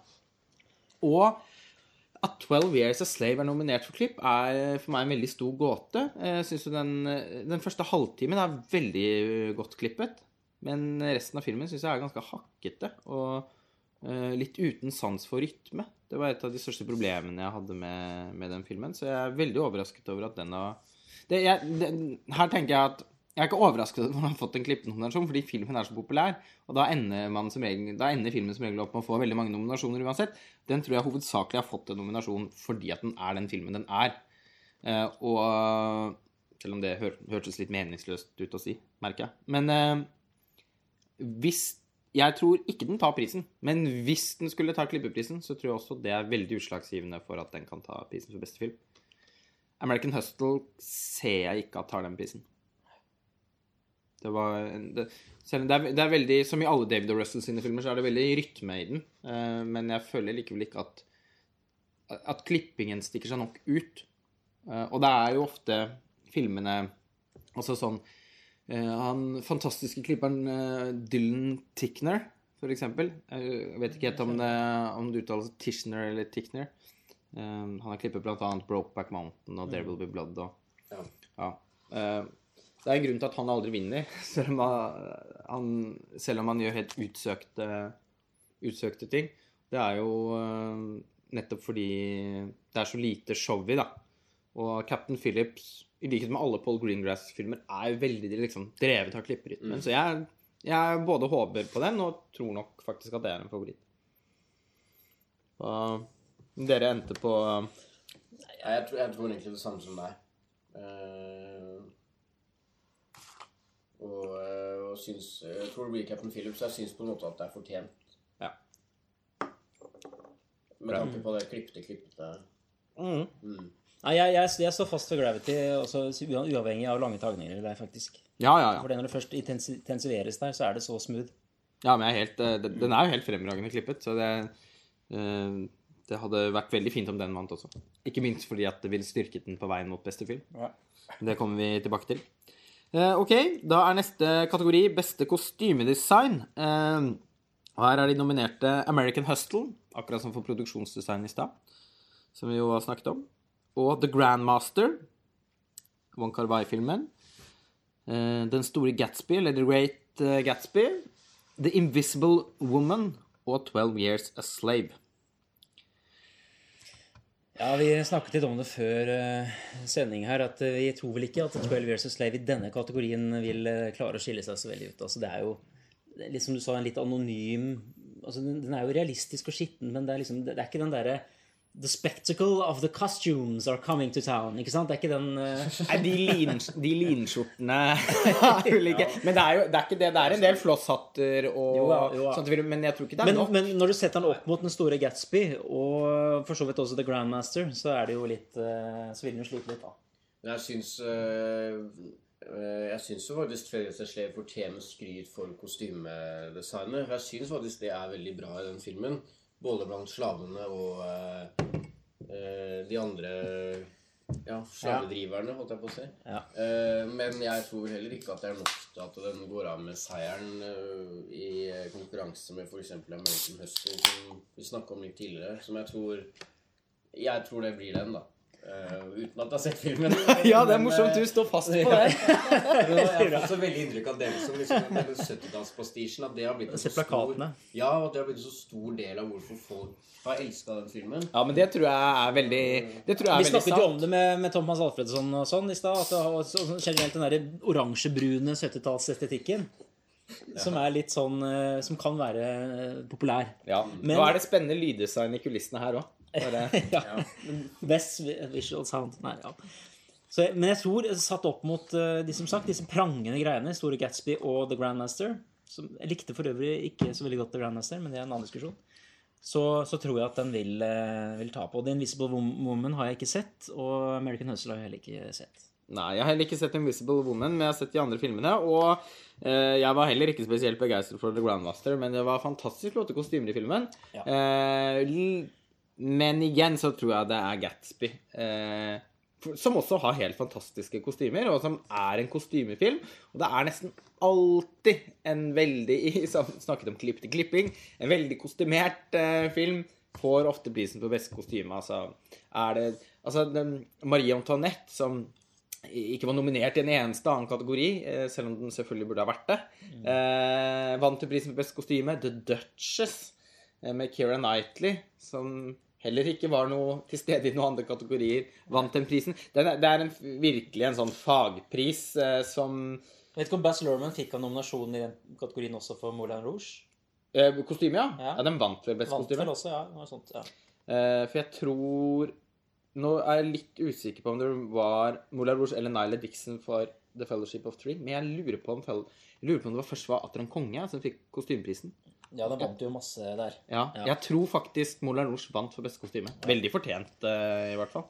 Uh, og det syns jeg det vil være for Great eh, Gatsby òg. Den Jeg likte ikke filmen, men det er en annen sak. Nei da. Det blir, sånn, det blir nesten litt for selvsagt at den skal vinne også, på en måte. For ja, den er veldig overdådig og, og alt sånn, men uh, jeg føler at man har sett det før også. Det er liksom ikke noe Det var det jeg sa i stad, at det er ikke egentlig kostymene i seg selv, men det er hvordan både altså Som jeg snakket om produksjonsdesign i stad, så er det ikke bare altså, produksjonsdesign og kostymer, men det er hvordan alt samles i en suppe med, med lys og altså, ikke sant? At det, blir en, det går opp i, opp i sin egen enhet, da. Ja, altså syns jeg det skal sies at er det noe jeg syns Bass Lerman er fryktelig god på, er det nettopp kostymer, da. Eller jeg, jeg har sansen for Bass Lerman, jeg, selv om jeg syns de to siste filmene hans har vært litt underveldende. Men kostyme det er, det er ikke bare tradisjonelle periodekostymer heller. Han leker seg veldig eh, med de, er veldig sånn eh, Ja, de er overdådige, men det er også en sånn De har et litt sånn sprelsk uttrykk som jeg liker. Er det ikke en sånn gul dress eller noe sånt som Leonardo DiCaprio går rundt i? Mener jeg husker yeah. noe eh, lignende. Ja, det er, den, Som er litt, sånn, litt utypisk for perioden, men samtidig litt karakteren, eller litt rollefiguren. ja. Eh, ja. Så det, Det er en del av de settingene der hvor folk er virkelig sånn Nesten sånn karnevalesk eh, kostymert, eh, Ja, som er jeg kan ha sans for. Det er vi helt enig i. Og med hatt altså sånn, Det er gjort noe mer ut av enn vanlig, syns jeg. Ja, ja. Men Eh, igjen, jeg tror at det, grunnen til at dere tenker ofte mye sånn, er pga. de andre effektene rundt. At det, at det Og lyssettingen og ja, lys og, og lyd og Produksjonsdesign, alt dette her. ja da. Eh, men jeg, jeg tror det blir The Great uh, Gatsby. Eh, men Og jeg kunne i og for seg også liksom Jeg syns det er helt fint at, om at den vinner Jeg kan ikke si at den vinner, men om den vinner.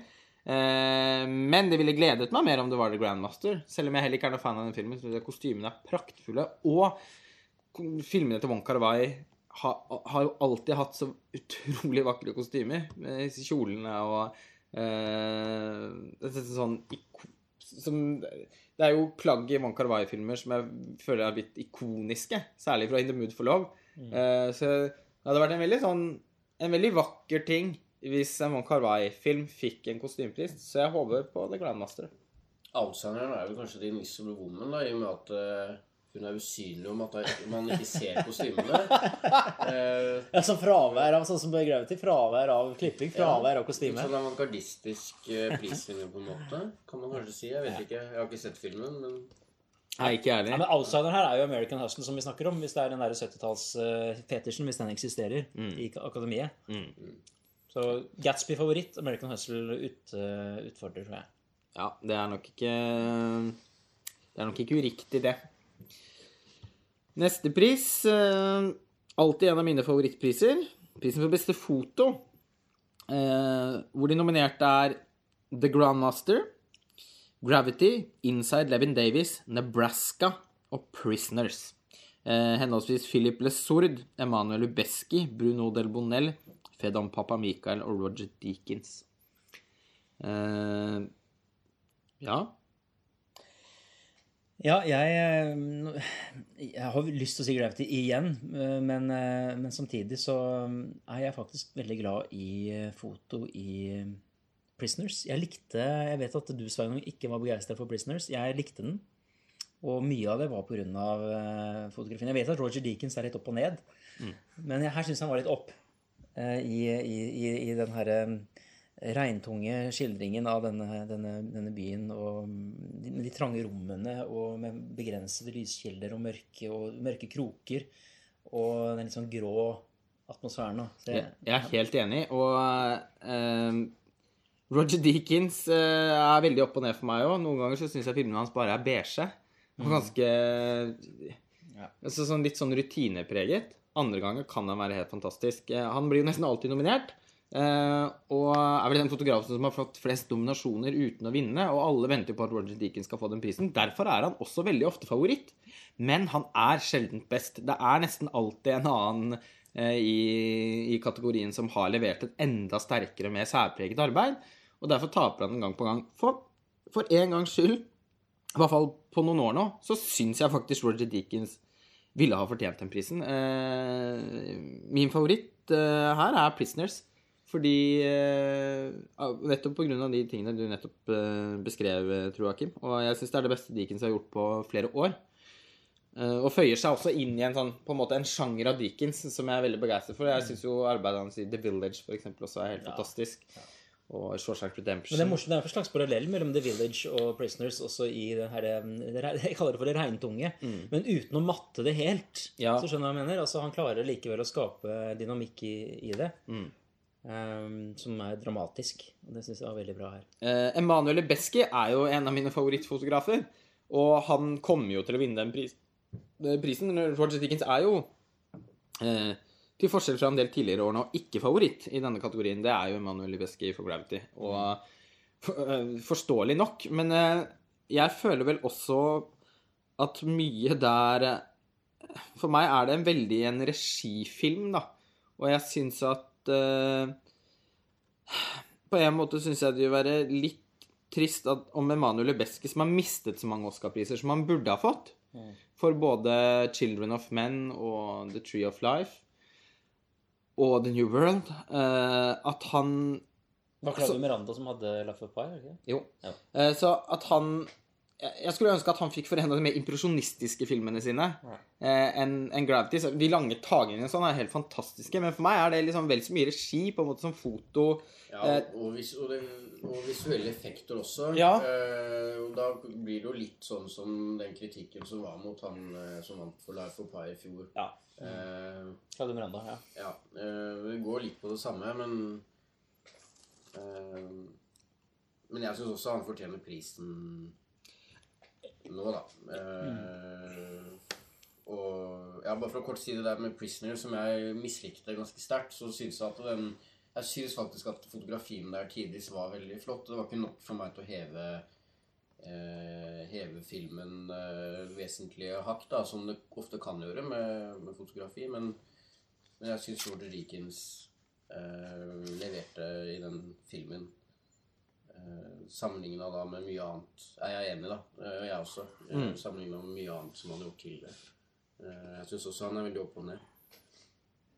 Men eh, Ja, nei, men altså Jeg har jo ventet i årevis på at Emanuel Lubezki skal få en Oscar, og jeg tror det er 99% sjanse for at han får den, eh, og da kommer jeg til å vende tommelen opp og si hurra. Men eh, eh, men, men favoritten min her er faktisk da 'Prisoners', fordi jeg syns som ren sånn fotografisk prestasjon mm.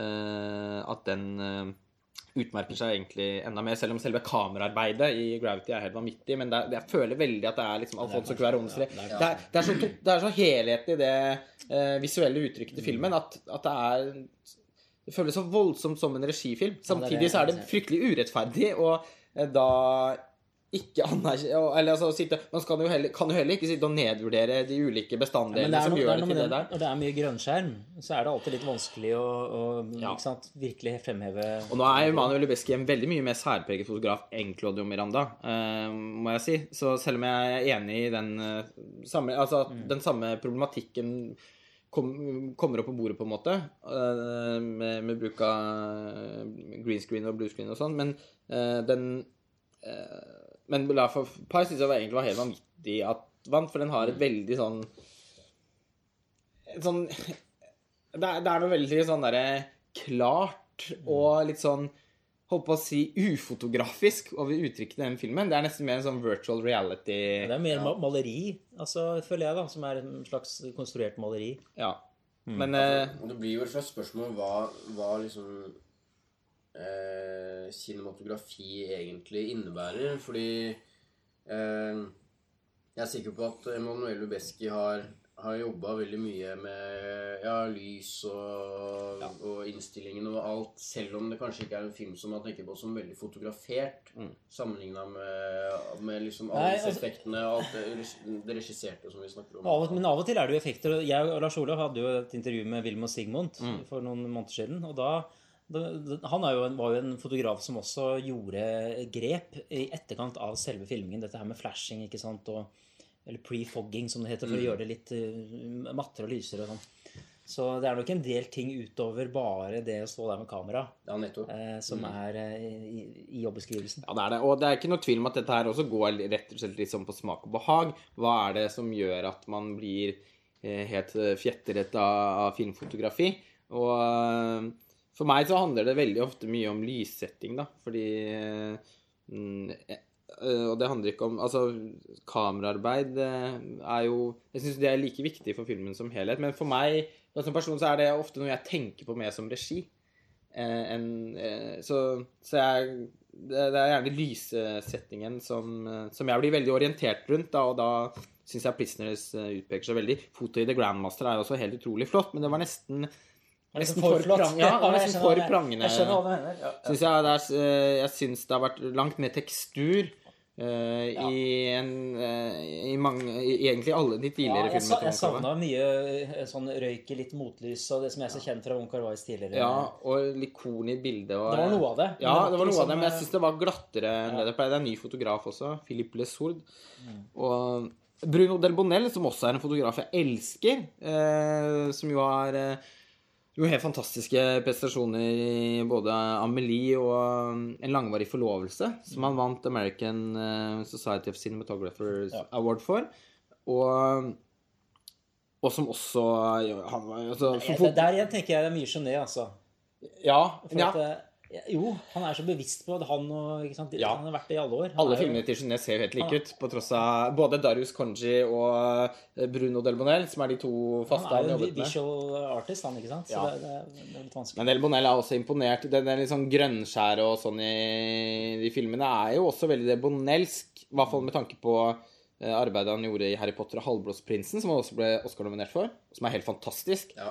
Og, og arbeidet i Faust av Zucchero, som er helt vanvittig. Det er han som er der? Ja. Ja. Eh, så Han er, det er en variert type. Ja, og veldig, veldig imponerende fotograf, syns jeg. Men eh, eh, at han skulle bli nominert for Inside Leven Davis, det har jeg litt mer problemer med å forstå. Den filmen syns jeg har et ganske blast og irrgrønt uttrykk som for meg blir liksom monotont. Ja, Nei, jeg er veldig uenig. Jeg skjønner ikke helt hva du mener irrgrønt. Men, eh, for der tenker jeg at det, når vi snakker Ofte så dukker jo disse beskrivelsene beige og brunt opp når vi snakker om fotografi i film før det er på podkastene. Og det, det er den filmen, kan man si. Og han Det er nesten Og det er mye sånn at- grønt der òg. Nei, er det så mye grønt, da? Ja Hvis du ser på alle bildene fra øh, sti, Altså, se på de stillbildene i saken øh, i den Erik øh, Vågenes sin omtale på montasje. Det er mye Ja. grønt der. Det er det også jeg husker. Ja. Ja. Ja, ja. ja. Men eh, Jeg syns, jeg syns fotografien i den filmen faktisk var veldig bra, men jeg syns ikke den utmerka seg på noen måte. Uh, og det litt uh, morsomme er jo at nå er jo Roger Deakins uh, nominert for 'Prisoners', da, men man kunne jo nesten ha tenkt at det var han som hadde fotografert Insa Levin Davis. Ikke bare fordi at han har samme Coen-brødrene så mye, men også fordi at den eh, jeg føler at den, den filmen er litt Den, den føles nesten litt skreddersydd for han. Uh, Det var vel egentlig meningen at han skulle fotografere den, men den kolliderte med innspillingen av Skyfall. Ja, akkurat. Ja. Mm. Uh, men uh, Nei, jeg syns Delmonel gjør en, gjør en veldig bra jobb med det. Altså det miljøet og, og også deler av den filmen hvor, hvor det er veldig viktig med, med noe sånn ja, stemningsskapende med tåke, lys, skygge. Uh, Ja, for all del. Det det, det, det, er ikke Du har helt rett i det, altså. Det er Ja. ikke noe uh, som, altså sånn, Det er ikke noe fotoprestasjon i den filmen. Det er ikke eh, den, den er på ingen måte svak, den. Men for Nei. meg så er det noe av det mer blasse Del Bonella har gjort. Da. Jeg syns han pleier å være mer spennende. Ja, og det, det kan jeg nok være enig i. Og jeg syns ikke heller at eh, at eh, fotografien utmerker seg så voldsomt i den filmen. Eh, det syns jeg ikke. Så, men jeg, bare, jeg hadde lyst til å bare trekke fram at jeg syns, syns det er noe positivt her da, med det arbeidet hans i Insta Eleven Ellis. Så, Ja, ja, ja. Eh, og Men eh, ja. Jeg håper på da Prisoners, men tror på Gravity. mm. Og du Eh, jeg tror på Gravity og håper vel egentlig også på den. Selv om jeg, jeg ser de innvendingene mot at den skal vinne.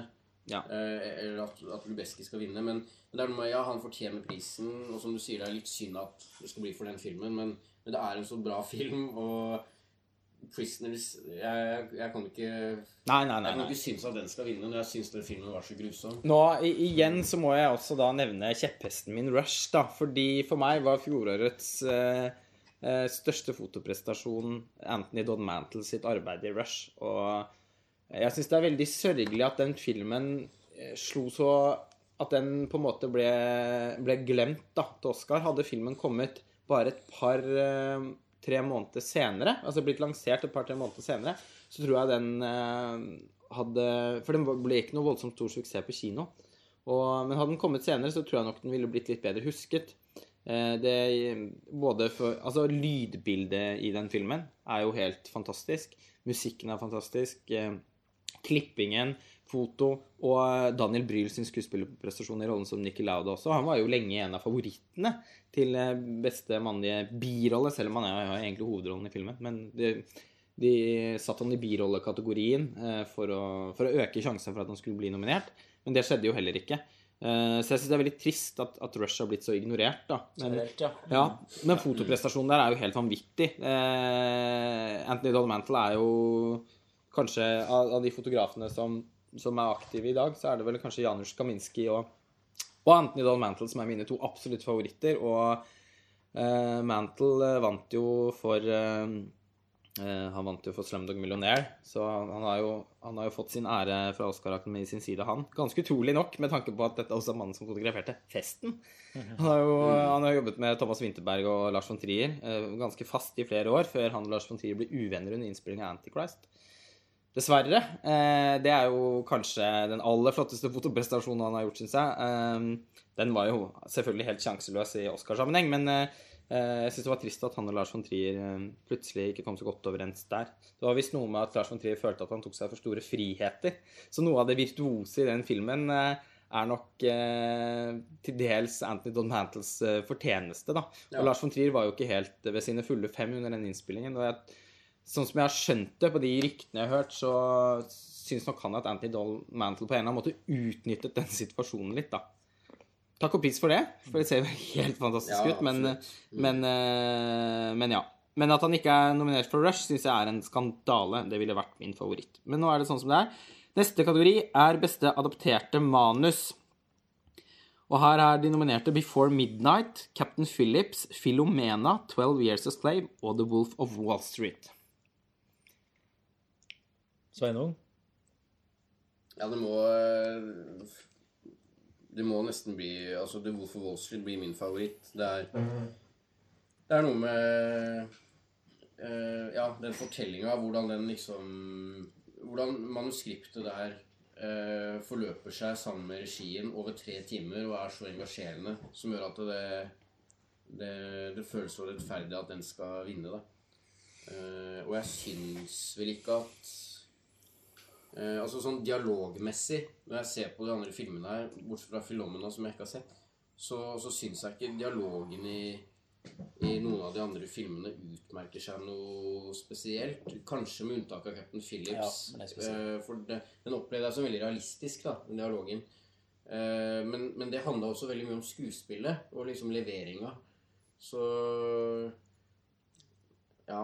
Eh, jeg hadde ikke blitt snurt hvis Captain Phillips vant, men, men jeg syns det er noe med måten manus eh, forholder seg til resten av Altså den visuelle historiefordelingen i The Wolf of Wall Street som jeg syns er så bra at den, det ble min favoritt, da.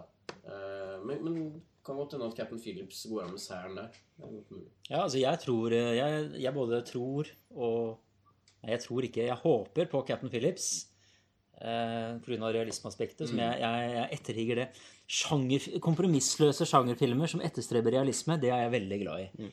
Og det, det syns jeg at den gjør. Eh, Jeg er ikke så begeistret for The Wolf of Wall Street som dere andre. Eh, Jeg syns det er en flott film, men jeg har en del innsigelser som som er ganske sterke. Eh, så er spørsmålet om det har noe å si i forhold til denne kategorien. Jeg vet ikke, egentlig. Adapted screenplay. Det er vel basert på eh, hans memoarer, er det ikke det? Han, eh, Jo, Jordan Belford uh, sine memoarer. ja.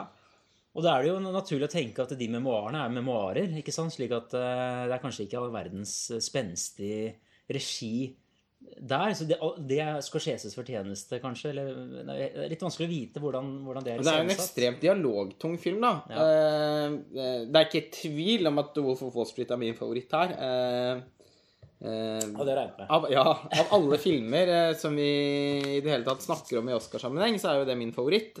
Eh, og jeg eh, hadde blitt overlykkelig hvis uh, Terence Winter fikk den prisen. Men jeg tror ikke den vinner. Eh, den er ikke favoritt, og det er for mye blande meninger om den filmen. Eh, det er jo enkelte som Altså, det er, det er såpass mange som opplever den filmen som smakløs. Og at den i det hele tatt har fått såpass mange tunge Oscar-nominasjoner, skal man vel i utgangspunktet være litt glad for, fordi det er en film som drar noen ting såpass langt eh, at den i utgangspunktet kolliderer veldig med det man tenker på som akademiets smak. Så jeg ville vært veldig overrasket, men da selvfølgelig veldig gledelig overrasket hvis den vant. Eh, Jeg tror eh, at Captain Phillips vinner den prisen. Eh, Den er vel også en slags favoritt, med tanke på at den vant eh, Screenwriters Guild eh, Ja, riktig. Award. Ja, ja. Eh, og det kan også være hvis, den, hvis, hvis Captain Phillips både tar beste klipp og Mm. beste adapterte manus, så kan vi igjen snakke om at den eh, Tror du ikke det da, men tror du ikke det kan være sånn at de får litt sånn trøstepriser òg, da? Hvis ikke de får beste film? Men det er jo sjelden sånn. Eh, Er det kanskje bare i sånne visuelle filmer? Ja, fordi det er jo ikke en jury som sitter og tenker, så det er ingen som tenker at det skal fordeles her. Eh, folk stemmer på det de har lyst til. Ja. De Men, men kanskje noen tenker at nei, den, den skal få den prisen som en trøstepremie, fordi jeg stemte ikke på den. På den andre det kan, selvfølgelig, det kan selvfølgelig også være sånn. Jeg bare Eh, vet at det er sånn i forhold til visuelt drevne filmer, sånn mye special effects og sånn, da er det ofte at de sliter med å få nå opp i de gjeveste kategoriene. Men manuset er jo en av de gjeveste kategoriene. Ja, nå vet jeg ikke hvem som er, hvem er, henger høyest av den og original screenplay, men eh, Ja, Original screenplay Kanskje. henger jo på en måte høyere, men eh, samtidig er det veldig ofte at eh, de eh, filmene som vinner Oscar for beste film, er basert på et eh, Ja, det er sant. På, på en bok Et verk av noe slag, et, et verk av noe et eller annet slag. Så eh, de sånn På en måte er vel de prisene like tunge. Og Mm. Det er interessant å se, da. Unnskyld. Sånn som Filomena er jo mer i liksom akademisjangeren, med et sånt melodrama om en mor som skal finne sin bort, bortkommende sønn, og sånn versus da den litt subversive Wolf of Wall Street. Det er interessant å se den veiingen der mellom, mellom f.eks. de to, da. Jeg har ikke sett Filomena, men jeg kan jo på mange måter se for meg den som litt en underdog. Det kan man jo også egentlig se for seg at Before Midnight er. Ja. Jeg eh, er ikke noe begeistret for den filmen, men det er jo en veldig populær eh, trilogi, og man kan jo også se for seg at, eh, at enkelte hadde hatt lyst til å hedre den eh, trilogien ved, eh, ved å gi ved, ved å stemme på Before Midnight. Men den, den regnes riktignok ikke som en favoritt, da. Det gjør imidlertid, i likhet med Captain Phillips, som på en måte må anses for å være den tyngste favoritten, så er det også mange som spår 12 Years a Slave i denne kategorien her. Det ville jeg synes vært veldig trist, for jeg syns at manuset er noe av det svake. Jeg, nå høres det ut som jeg misliker den filmen sterkt, det gjør jeg ikke. Eh, Jeg syns det er mye bra i 12 Years a Slave, men eh, manuset var vel kanskje det svakeste leddet i filmen. Ja, den, den litt voldsomt stiliserte dialogen. Ja, som jeg synes var veldig And upassende. now we, on the brink of the eve of the morning light, I see you standing Ikke sant? Det var, det var jo litt sånn, da. Ja, Kanskje de eh, snakket sånn? Eh, ja, jeg opplevde nesten at den filmen eh, hadde vært man, man kunne selvfølgelig ikke laget en, en uh, spillefilm uten dialog, men det er nesten sånn at jeg føler at den uh, Og det er også, blir jo en slags sånn hedersbenærelse til Steve McQueen, da, hvor god han er som regissør. Men det er nesten så jeg tenker at den filmen hadde vært bedre uten dialog. At det, det føles som om de har vært nødt til å skrive inn replikker uh, underveis. da Um, jeg, nei, jeg var så begeistra for manus der. Ja, Det er noe med den høytidelige, sånn patosfylte tonen i ja. noe av dialogen der som jeg syns veldig kolliderer veldig med tonen i filmen ellers. Mm. Så jeg syns det ville vært ganske hårreisende hvis den vant prisen. Men jeg tror slettes ikke det er umulig. Eh, men jeg står på at eh, Captain Phillips er favoritt, så jeg spår Captain Phillips. Men jeg håper selvfølgelig på The Wolf of Wall Street. Du er motsatt som meg, da. Ja. Ja, jeg, jeg tipper Captain Phillips vinner, men det blir The Wolf of Wall Street som er min favoritt også, ja. Og så går vi over til beste originalmanus, og der er de nominerte American Hustle, Blue Jasmine, Dallas Buyers Club, Her og Nebraska. Her eh, har eh, Jeg har jo da fortsatt ikke sett eh, Nebraska.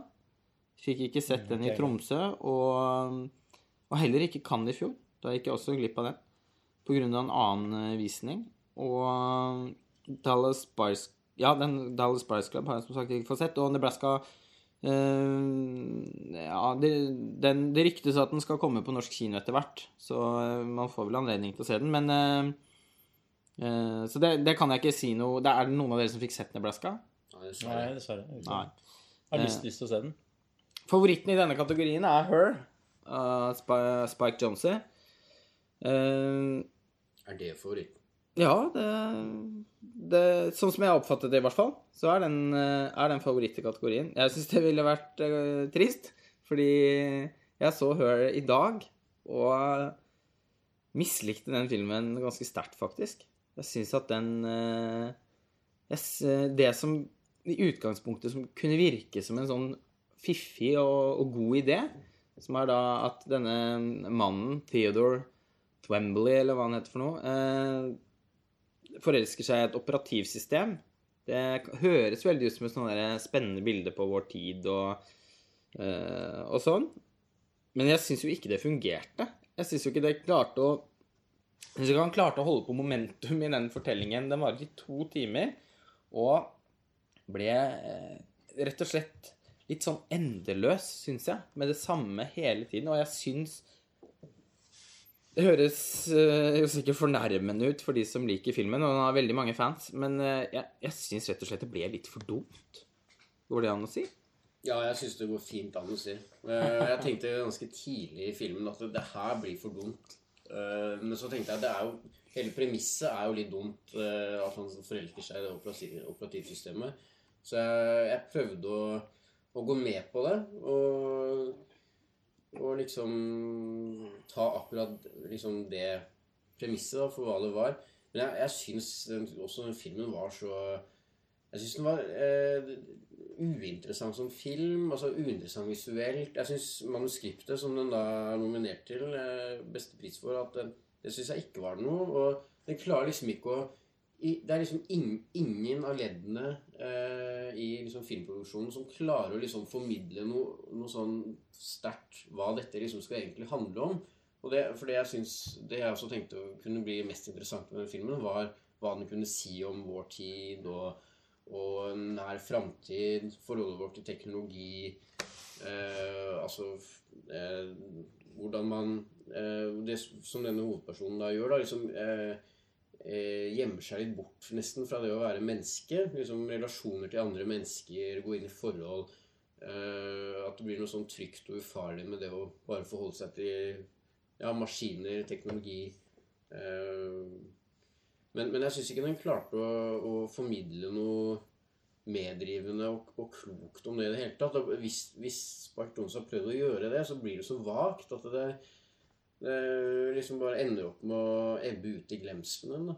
Så jeg syns Ja, for meg er det den den største Altså, jeg, jeg forstår bare ikke hvorfor den har fått så mye skryt. Jeg forstår ikke hvorfor den er nominert til beste film, egentlig, heller. Og, og da heller ikke manus, da. Nei, det skjønner ikke jeg. En del av det å skrive et manus er jo også å skape engasjerende, altså meddrivende, interessante rollefigurer. Og jeg har vel, er vel lenge siden jeg syns Det er lenge siden jeg har møtt på en så frustrerende flat karakter som eh, Joaquin Phoenix i den filmen. Han Theodore, da. Mm. Han er jo, Jeg syns han var helt uutholdelig eh, som type. Eh, og det trenger jeg altså sånn eh, Og det handler ikke om at jeg ikke ser verdien i karakterer som jeg ikke selv har sansen for på den måten. Men eh, jeg syns han var fryktelig lite spennende på det var, jeg, s- og jeg syns ikke han på en måte Apropos det du sier med at filmen ikke klarer å si noe spesielt interessant eller klokt om vår tid eller om vårt forhold til teknologi, da, syns jeg heller ikke Det ble jo da virkelig ikke kanalisert gjennom hans rollefigur. Jeg syns ikke han var relevant for noe som helst. Eh, han sa meg ingenting. Jeg syns han var fårete og eh, sånn sentimentalt skrevet. Og det skal sies at jeg syns jo operativsystemet Samantha eh, Det er vel der hvor jeg syns Jones eh, får flekse litt med, med pennen, da. Fordi den syns jeg er veldig Eller det er veldig godt eh, skrevet. Og, og godt spilt av Scarlett Johansson også. Hun var filmens mest imponerende skuespillerprestasjon, syns jeg. Selv om vi ikke får se henne. Jeg Eh, synes det minner litt om, jeg har ikke sett filmen, jeg syns det minner litt om Weird Science, denne filmen. til John Hughes. Ja, men den er jo mye mer sprelsk. Ja, ja. Mens den uh, Her er så Ja, og jeg vet ikke og det, tenkte jeg er det kanskje, kanskje det egentlig er en genial film på et vis. Fordi at den, den fremstiller eh, et samfunn som er så eh, klinisk. Man, eh, det slo meg at man, man får ikke se noen barn. Eh, alt er liksom så greit og, og rydda og ordentlig hele tiden. Det er, det er overhodet ikke noe sånn sprelskt eller noe sånn teknologisk krumspring. Det er, alt er veldig sånn reint og ordentlig. Og så øh, tenkte jeg kanskje litt av poenget er at øh, han, liksom skal, spart, Jones skal liksom fremstille det som at dette er liksom nærmest et sånn optimalt øh, samfunn hvor alt er så strigla og bra og hyggelig og helt problemfritt. At man liksom skal sitte igjen og, og ta seg selv og tenke at liksom Dette er liksom det optimale samfunn, men så, så er det jo egentlig ikke det, fordi eh, det er feigt. Eh, I hvert fall han, han Chamberlain, da. Eh, Han er jo feig og, og, og veldig sånn puslete. Og, tør ikke å gå inn i Altså, han, han kvier seg for å gå inn i forhold med mennesker. Alt sånn. Så jeg tenker det, jeg, jeg fikk veldig lyst til å liksom like akkurat det. At det skulle være noe sånn en sånn smart lek med publikum der, nesten. Ja, og det syns jeg jo Benjamin eh, kom jo inn på det i sin uh, artikkel på jeg er montasje. veldig det han skrev. Ja, det, det, er, det er jeg også. Selv Ja. om jeg ikke klarte å sette pris på det på den samme Nei, da, og jeg føler da at da, da tillegger man jo filmen veldig noe den egentlig ikke har også. Eh, så, fordi da, da handler det jo ikke egentlig om filmen, syns jeg. eh, I hvert fall hvordan, ut fra hvordan den er laget nå. Så jeg, nei, jeg syns ikke den Den kan liksom ikke få slippe unna helt med det heller, syns jeg. At det, det er meninga at den skal være så plain, eller hva jeg skal si. Nei, jeg, jeg er helt enig. og Jeg syns ikke filmen Jeg lukter ikke helt den substansen inn heller. Jeg syns også det er noe med den eh, litt sånn hipsteraktige estetikken og sånn som Ja, kanskje det er ironisk òg, men, men med tanke på hvor Spike Johnson kommer fra, og at han også har laget uh, Til Hutetunes land uh, så, Som også er veldig sånn hipsteraktig. På, ofte da på sitt verste, syns jeg. Uh, det var en film jeg likte veldig godt når jeg så den første gang, det må jeg si. Men som har tapt seg ganske kraftig når jeg har sett den igjen. Den har liten gjensynsverdi for meg, i hvert fall. Mm. Og jeg, vet ikke Intensjonene her blir så vage at uh, da må man nesten ta utgangspunkt Og da må i hvert fall jeg ta utgangspunkt i min egen opplevelse med filmen. Og jeg kjedet meg stort. Jeg syns det var en flat og nesten intetsigende film. Jeg, jeg klarte ikke å få noe Jeg syns ikke det var noe interessant. Og jeg syns det Det ble var enerverende også. ja, ja, irriterende. Ja, nerverende, men det er jeg helt enig i. Når de, Ja. Og når de liksom, i disse settingene hvor han tar med seg det operativsystemet sammen med venner og spiser piknik, og alle liksom forholder seg til hun som om det var en karakter og sånn, det tror jeg aldri kommer til å skje. Det syns jeg er en, rett og slett er en litt, rett og slett en litt sånn tåpelig science fiction-idé. Ja, fordi, og det tenkte jeg også Hvis man nå skal liksom legge godvilja til da, og si at han, han liksom kan si noe om, om hvordan det kommer til å bli og sånn, så tenker jeg også ja, men kommer det til å bli sånn? Nei. Det gjør jo ikke det. Nei. Det er jo eh, måten Altså det, det mange bruker internett for eksempel til nå, og er jo å lettere liksom kunne date hverandre og, og liksom få kontakt med hverandre. Men da som virkelige mennesker i det virkelige liv.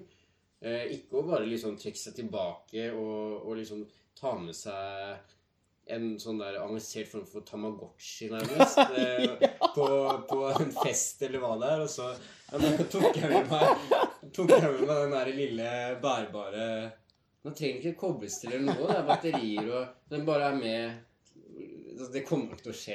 Og det er, ja, det er tåpelig. er. Ja, det Det er det det. mye tåpelig i den filmen. Ja. Den der, det er en, sånn der, slags eh, hva skal jeg si, virtuell sexscene i starten oh. også, som var så utrolig klam og, og pinlig ukomfortabel. Og det eh, Og mislykket casting av Joaquin Phoenix også. Ja. Eh, Jeg synes jo han Jeg må jo si det, jeg syns faktisk han har noen begrensninger som skuespiller. Han passer virkelig ikke til alt. Og det der fårete gliset hans gjennom den filmen her, og det litt sånn forunderlige møtet med verden, Ja. det syns jeg var eh, så tett ja. at uh, Du får litt lyst til å bare riste han, egentlig. Liksom Klappe til han sånn, og ta deg sammen. Jeg skal liksom. innrømme det at jeg faktisk hadde lyst til å gå under visningen. For jeg syns den filmen var Jeg får litt lyst til å se den når du snakker sånn eh, passionate negativt om den. Men, Ja. eh, men det blir jo en egen podkast som hører dette her, da. Eh, I hvert fall eh, Ja, nå måtte vi ta et hvileskjær med, med den, eh, men jeg syns det er noe tull og tøys at den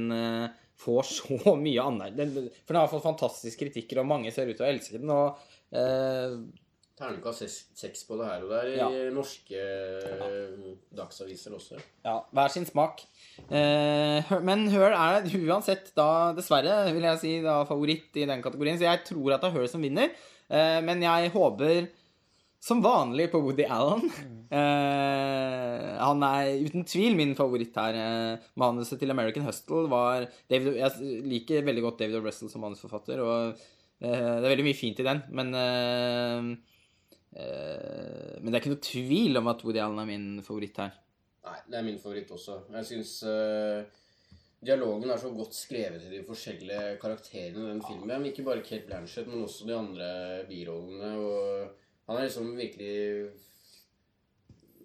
Ja, jeg, jeg syns øh, kanskje Ja, jeg vet ikke om jeg vil si at, den, at jeg liker Blue Dress sin bedre enn enn, eh, Midnight in Paris. Det gjør jeg nok ikke. Men, Nei, det gjør ikke jeg men jeg syns sånn øh, manusmessig så syns jeg liksom da virkelig at han er tilbake i sitt ess på et vis i Blue Jasmine, da. Så ja. Selv om altså Ikke da at det har vært så eh, begredelig de siste åra fra hans side, men jeg syns det var liksom en sånn følelse av at det her her er liksom manusforfatteren Woody Allen han, Det er en han- klasse Ja, han viste at han fortsatt har noe å komme med. Ja, det er en klasse mm, over, den, over dialogen i den filmen. Og Ja. for meg, altså de, Ingmar Bergman og Woody Allen, hvem er det som kan skrive bedre dialog enn de? Eh, og sånn er det i hvert fall i min verden. Og ja, Mm. Allen er mitt valg.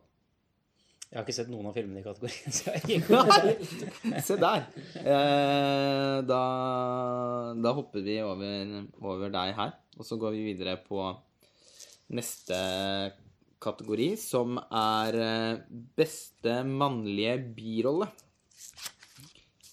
Eh, og her er de nominerte Barkad Abdi for Captain Phillips, Bradley Cooper for American Hustle, Michael Fassbender for 12 Years a Slave, Jonah Hill for The Wolf of Wall Street og Jared Leto for Dallas Buyers Club.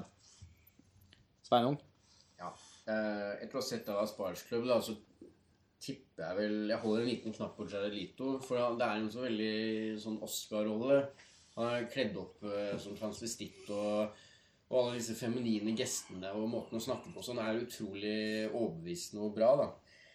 Uh, han gjør en kjemperolle der, men men det blir liksom I den grad man kan kalle en sånn rolle oppskriftsmessig, Ja. så er det litt det også. Uh, og jeg, jeg håper på Jonah Hill. Ikke bare fordi han spiller en så utrolig god rolle der i seg selv, men også fordi at det, nå har han liksom tatt steget litt opp, han. Ja. I en liksom annen sfære, hvor han virkelig viser at han, han hadde mer å fare med han, enn disse, den litt sånn rappkjefta komedieskuespilleren. Så Selv om han er jo det i den filmen også. Men, men det er Altså, Det blir rart å, å si at han spiller en mer seriøs rolle der, med disse løstennene og alt sånt. Men, men han, det er liksom han, han tar liksom steget litt opp i den filmen. Og, og det ble jeg såpass imponert over at det er Det blir min favoritt, da. Ja, jeg ser den. Og jeg tror også at den eh, er en meget Altså vi snakker om Jonah Hill, ja. Ikke sant? Meget sterk kandidat i den kategorien. Jeg har alltid vært veldig fascinert av amatører som eh, spiller i, i filmer. Eh, hvordan, men det har veldig mye regi, regi å gjøre. da. Hvordan klarer de å regissere en amatør til å spille overbevisende? Og I dette tilfellet er det jo en eh, som ser, ikke, kan, Jeg vet ikke om han er eh, fullt amatør, men i Captain Phillips, Barkad Abdi Han ble plukket ut uh, blant mange Ja. husker jeg har lest, som en da uerfaren skuespiller. Uerfaren skuespiller i hvert fall, ikke sant? Så, og jeg ble veldig begeistra for det han eh, gjorde med det grunnlaget. Akkurat sånn som jeg blir av f.eks.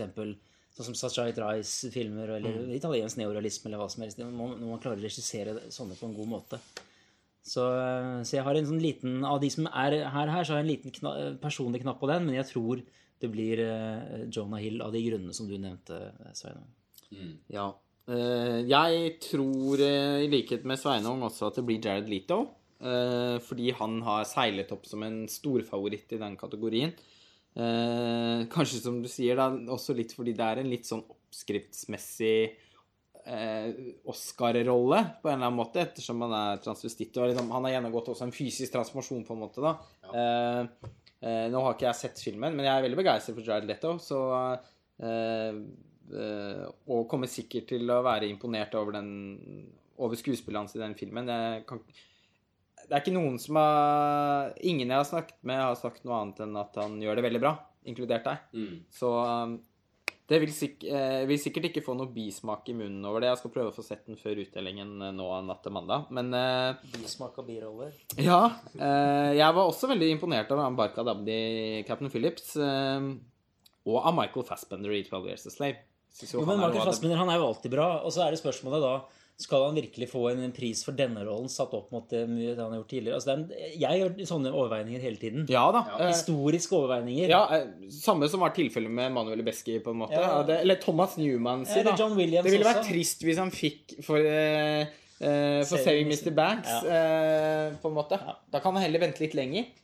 Ja. Er, jeg, jeg vil gjerne at det skal være system i rotet. Ja, ja men jeg er litt enig i det. Eh, men jeg syns Michael Fassbender var veldig intens og ufyselig og imponerende i den filmen. Han ble ikke nominert for Shame, som var Nei, det er jo en skam. Det er en skam, ja. Det er bokstavelig talt en skam. Shame. Nå kommer ordspillene igjen. Eh, men uansett så er det jo absolutt ikke noen tvil om at Jonah Hill er min favoritt i denne kategorien. For The Wolf of Wall Street, ja. Han er helt fortryllende. Eh, den morsomste den morsomste karakteren jeg har sett på lenge. Når han dukker opp med Og bare måten han er kostymert på. sånn, Flanell, eller sånn derre Ja, V-skjorte, Ja. V-gensere og skjorte og eh, sånn eh, ja, pikéskjorter og, og, og brill, de hornbrillene og de hvite løstennene. Og, og, og han spiller jo utrolig godt. Jeg eh, har hatt et veldig hjerte for Jonah Hill helt siden jeg så han i Superbad. Og syns det er veldig gøy at han har kommet opp. Mm. Han ble nominert for Moneyball også. Ja, Moneyball var det jeg tenkte på. Ja. Ja, det er jo selvfølgelig verdt å nevne. Han, det kom jo ikke helt ut av det blå. Altså, men, ja. Men uh, absolutt min favoritt. Men jeg tror på Jared litt òg. Ja. Bare for å nevne Bradley Cooper og American Hustle, som jeg da får understreke for n-te gang ikke har sett. Men, men jeg syns jo han også har eh, liksom tatt steget litt opp som skuespiller. Eh, med Silver Linings playbook og Han er kjempebra i Silver Linings Playbook. Ja, og også uh, um, The Place Beyond the Pines syns jeg også han var veldig god i. Mm. Uh, Det var ikke noe god Så- film, men han, jeg er enig i at han var bra. ja, jeg likte filmen godt også, selv om jeg Ja, nei, jeg likte den godt. Jeg gjorde det. Mm. Fattigmanns Mystic River. Men ja, greit. Ja, men Nei, jeg, jeg, bare for å nevne det at han også Det er morsomt at han også på en måte har etablert seg litt nå som en sånn Ikke bare en sånn kjekkas. Det har aldri vært noen fare for Jonah Hill at han skal Nei, men her er det jo litt, litt interessant Unnskyld, fortsett. Nei, jeg skulle bare si det med ja, Bandy Cooper. At han litt på samme måte som Jonah Hill har liksom begynt å etablere seg litt nå som en sånn Seriøs skuespiller. ja, seriøs skuespiller. Mm. Jeg tenker litt det samme her, apropos det. Altså Matthew McConaughey, renessansen, Matthew McConaughey-renessansen som har vært de siste par årene. Mm. Eh, Nå er det jo den TV-serien True, True Detective, og det er Mud, og også en fantastisk birolle, syns jeg. Den beste, syns jeg, i eh, Wolf on Wall Street. Mm. De, få minuttene han er med. Den, den, bare den middagsscenen i seg selv, altså den Mm. ja. Selvfølgelig har blitt nesten ikonisk allerede. Ja, ja, han burde blitt nominert for den. Ja. Ja, men det mener jeg. Det er mange. Altså Man sitter og håper at han skal dukke opp igjen i filmen. Ja, ja, ja. Eh, Til tross for at den filmen klarer seg fint uten han, selvfølgelig. Men, men det er så bra. Og, ja. Altså, han har klart å da reetablere seg igjen, da, ikke sant? etter å ha hatt noen dårlige år. Mm. Fra 90-tallet og sånn, så har han klart å reetablere seg med sånne Apropos sånne eh, ja. etableringer. Det er mange skuespillere før som har fått bironasjoner for både, fem og, både ti og fem minutter. Ja, mindre enn det òg. Ja, så ja, Network eh, Network-historien, ikke sant? Mm. så, så ja, han burde vært nominert, men, eh, men det er han ikke, da. Det, og så går vi videre til eh, beste kvinnelige birolle, som er eh, Sally Hawkins for Blue Jasmine, Jennifer Lawrence for, for American Hustle, Lupita Nungo for 12 Years a Slave, Julia Roberts for August Osage County, og June Squibb for Nebraska. Jeg, vet, ikke, har ikke noen sterke meninger her. Jeg. Eh, jeg har egentlig ikke noen veldig sterke meninger i denne men hun Lupita Nyong'o i Trailblazer Slave, er det Hvem er det? nei, nei, det er hun uh, som blir så forferdelig mishandla av Michael Fassbinder. Ja. Som, uh, Som sitter og gråter på terrassen? ja, som, hovedkar ja, som hovedkarakteren tar, tar litt vare på. Mm. Eh, Jeg syns hun spiller veldig bra, men eh, Men uh, for meg blir hun et litt sånn element i fortellingen på lik linje med mye annet i den filmen. Jeg syns ikke hun Utmerker seg ikke så veldig. Nei, jeg syns egentlig ikke det. Um, nei, jeg syns heller ikke det, selv om jeg, hun er veldig god, da. mm. Eh, men jeg følte ikke at rollen i seg selv var så veldig minneverdig. Det er altså eh, Skuespillerprestasjon og, og rollefigur henger jo ofte veldig sammen. Mm. Eh, det er jo gjerne også de sterke rollefigurene som, som, som ender opp med å begeistre mest. Mm. Og jeg syns ikke, ikke den rollen ble så interessant, selv om hun spilte den veldig intenst og, og autentisk. Ja. Hun er jo nykommer òg, da, og hun vant jo skuespillernes egen pris. Eh, Screen Actors uh, Guild Award. Uh, vant hun, så hun regnes jo som en eh, favoritt. ja. Jeg har ingen uh, formening i denne kategorien. Jeg har sett så få av de filmene i den. Også, også her. Ja. Uh, Bare sett den, faktisk. For Years Slave. Den. Jennifer Lawrence var lenge faktisk en favoritt for, um, for American Huston. Men hun vant jo Oscar i fjor uh, for hovedrollen i. Civil Linings. Og um, Fikk Jack Nicholson opp altså. ja, ja, ja, det var herlig. Men, eh, um, det klippet der. Ja, det er de fantastisk, ja. fantastisk. Og jeg er veldig begeistra for Jennifer Lawrence. Jeg syns hun er så uh, flott. Uh, og, og en veldig god skuespiller også. Jeg var nok faktisk ikke så imponert over rollen hennes i American Hustle. Der syns jeg hun ble litt for karikert. Og uh, der syns jeg faktisk at det skinte litt igjennom at hun er ganske uerfaren. ja. Eh, det var en sånn veldig sånn Ja, hun er ikke kanskje helt ferdig utviklet som karakterskuespiller ennå, eh, slo det meg eh, når, jeg, når jeg så den filmen i dag. Eh, og den er en veldig en sånn typisk Også litt den typisk morsomme birollen. Den som stjeler scenene, men som ikke helt gjorde det, syns jeg. Eh, snakk om Bradley Cooper i stad, da. Som vi, Han var veldig bra. Heller ikke noe sånn spektakulært eh, Jeg tror han er helt sjanseløs. Men jeg, jeg syns ikke hun eh, Jeg syns Amy Adams eh, utmerket seg mye mer. Eh, men hun er jo da nominert for hovedrollen. Jeg, jeg vet ikke, jeg syns Jennifer Lawrence var litt Rett og slett var litt over the top. Og det trenger jo ikke å være noe farlig i en David O. Russell-film.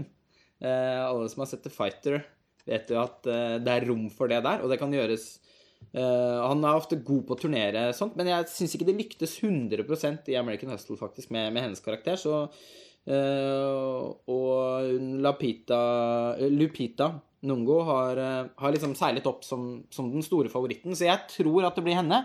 Men jeg Uh, det, det er ikke noe tvil for min del at min favoritt der er Sally Hawkins i Blue Jasmine. Jeg var kjempeimponert over henne i den filmen. Og nei, hun er ikke alltid en sånn skuespiller jeg er like begeistret for, for hun er veldig mye. Hun har et sånn oppsyn som er veldig sånn intenst og veldig karikert. Hun ser litt ut som en, liksom en tegneseriefigur omtrent. Det har, hun er veldig søt, da. Men hun blir veldig mye. Og selv om jeg Hun ble jo Oscar-nominert for Happy Go Lucky til Mike Lee. Og, og det er en veldig god skuespillerprestasjon i den filmen. Men jeg synes, samtidig som jeg syns at hun er litt uutholdelig òg.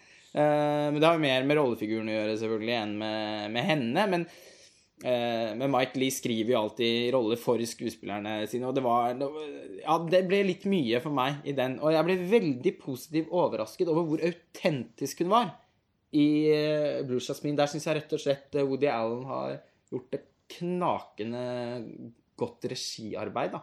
Mm. Hun er ikke en skuespiller man kan bruke til alt. Eh, og jeg var eh, utrolig positivt overrasket over hvor rett og slett hvor lite karak karik karikert hun egentlig er i den filmen. Det kan høres rart ut, men hun er likevel ganske karikert. Jo, men jeg skjønner godt hva du mener. Og jeg, når jeg så henne dukke opp i den filmen som en sånn derre arbeiderklassefrue som liksom ikke helt vil gi slipp på ungdommen eller et eller annet sånt, så tenkte jeg liksom å nei, nå blir det en sånn kjempekarikert person. Eh, mye på grunn av at det er Sally Hawkins som liksom spiller den rollefiguren. Men jeg syns, eh, i likhet med deg, at Woody Allen klarer å eh, liksom forme både henne som skuespiller og den rollefiguren til noe som blir veldig troverdig og, og egentlig ganske rørende. Så ja, nei, eh, hun blir nok også min favoritt. Jeg så også Happy Go Lucky for første gang for ikke så veldig lenge siden. Og, ja, hun er litt utholdelig i den filmen. men Hun er også utrolig spennende å følge med på. Ja da, ja da, jeg er enig i det. Jeg, jeg liker i og for seg filmen. Den filmen synes jeg er litt undervurdert, faktisk. Det er liksom, ja, for Den tenkte jeg på som, i forkant som en Mike Lee-film som kanskje altså Ut fra hva jeg hadde lest, så var det litt sånn hvileskjær i hans filmografi. Men eh, jeg syns den var helt topp. jeg. Og, og at hun var veldig god i den. Men, eh, men ja, hun er veldig mye. Og, men eh, men eh, ja, det, hun eh, Hun er kjempebra i, i bluegrass min. Og det som du var inne på, så handler det nok mye om Woody Allen men, og, og, og manus og sånn, men ja, hun blir min favoritt også. Men du tror Eh, jeg tror det blir Lupita Nyong'o. Ut fra buzzen. Ja. Mange morsomme navn der. June Squibb. Ja, jeg synes nesten det var aller morsomste. ja, det er jeg enig i. Og eh, nå har vi dessverre ikke sett Nebraska, da. Men jeg syns jo eh, Alexander Payne er en kløpper på å skrive fine biroller. Mm. Så kanskje Og jeg er eh, veldig generelt veldig begeistret for Julia Roberts. Men jeg har ikke sett filmen.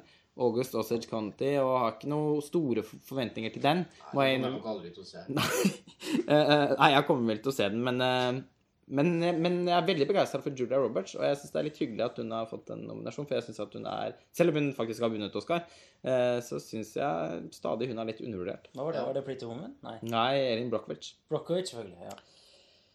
Eh, ok, da beveger vi oss videre igjen til eh, beste mannlige hovedrolle. Og de nominerte her er eh, Christian Bale for American Hustle, Bruce Dern for Nebraska, Leonardo DiCaprio for The Wolf of Wall Street, Chivetel Eyofor for 12 Years a Slave og Matthew McConaughey for Dallas Buyers Club. Der kom McConaughey inn, vet du. Som en av nominasjonene. Jeg syns det er litt interessant. Jeg har ikke sett Nebraska, men eh, Bruce Dern er jo Altså, det, var- Historien vil jo ha det slik at faktisk Jack Nicholson ble tilbudt rollen til Bruce Dern i den filmen. Han har takket nei. Han har jo mer eller mindre trukket seg tilbake nå. Men Bruce Stern er jo en gammel kompis av Jack Nicholson. De har spilt i mange filmer sammen, og sånn, så det er jo litt interessant at han da har kommet inn der. Det kan jo Jack Nicholson eh, angre på, kanskje. Eh, her rives jeg egentlig litt mellom eh, mellom Wolf of Wall Street og 12 Years a Slave. Jeg har alltid vært litt kritisk til Leonardo DiCaprio eh, av forskjellige grunner. Ikke bare dette gutteimaget, men en del andre ting òg. Altså, sånn, jeg savner litt bredde i hans eh, rolle, roller, rett og slett. Og det er litt mye av DiCaprio også i denne rollen, syns jeg. Men eh, Så her sliter jeg litt, altså, mellom de to. Eh, må jeg velge en personlig favoritt, så går jeg kanskje for eh, 12 Years a Slave, altså han godeste jeg klarer ikke uttale engang. Chivetel Ejofor? Ja, noe sånt. Men jeg tror selvfølgelig det blir Leonardo DiCaprio. På grunn av den, den voldsomme plassen som han har i den voldsomme filmen. Du tror det? Altså, st- tror det. Den store favoritten er Matthew McConney. Det er det, ja? Ja. Ok. Han er for, eh, for Dallas Buyers Club, og eh, det regnes nok også som en av kveldens sikreste priser. Eh, også fordi Alle som går ned direkte og gjør mye med kroppen sin, er en Ja. Nettopp. Og Matthew McConney har jo Det har vært en felles enighet om at de par-tre siste årene Han har jo fått seg virkelig revitalisert seg selv som skuespiller og imponert i veldig mange filmer. Han imponerte veldig Magic Mike. Det var mange som trodde at han kom til å bli nominert og til og med kanskje vinne birolle for den. Eh, Men den filmen ble også litt sånn glemt av Akademiet, dessverre. Eh, han imponerte veldig Mød. Killer Joe og Mud.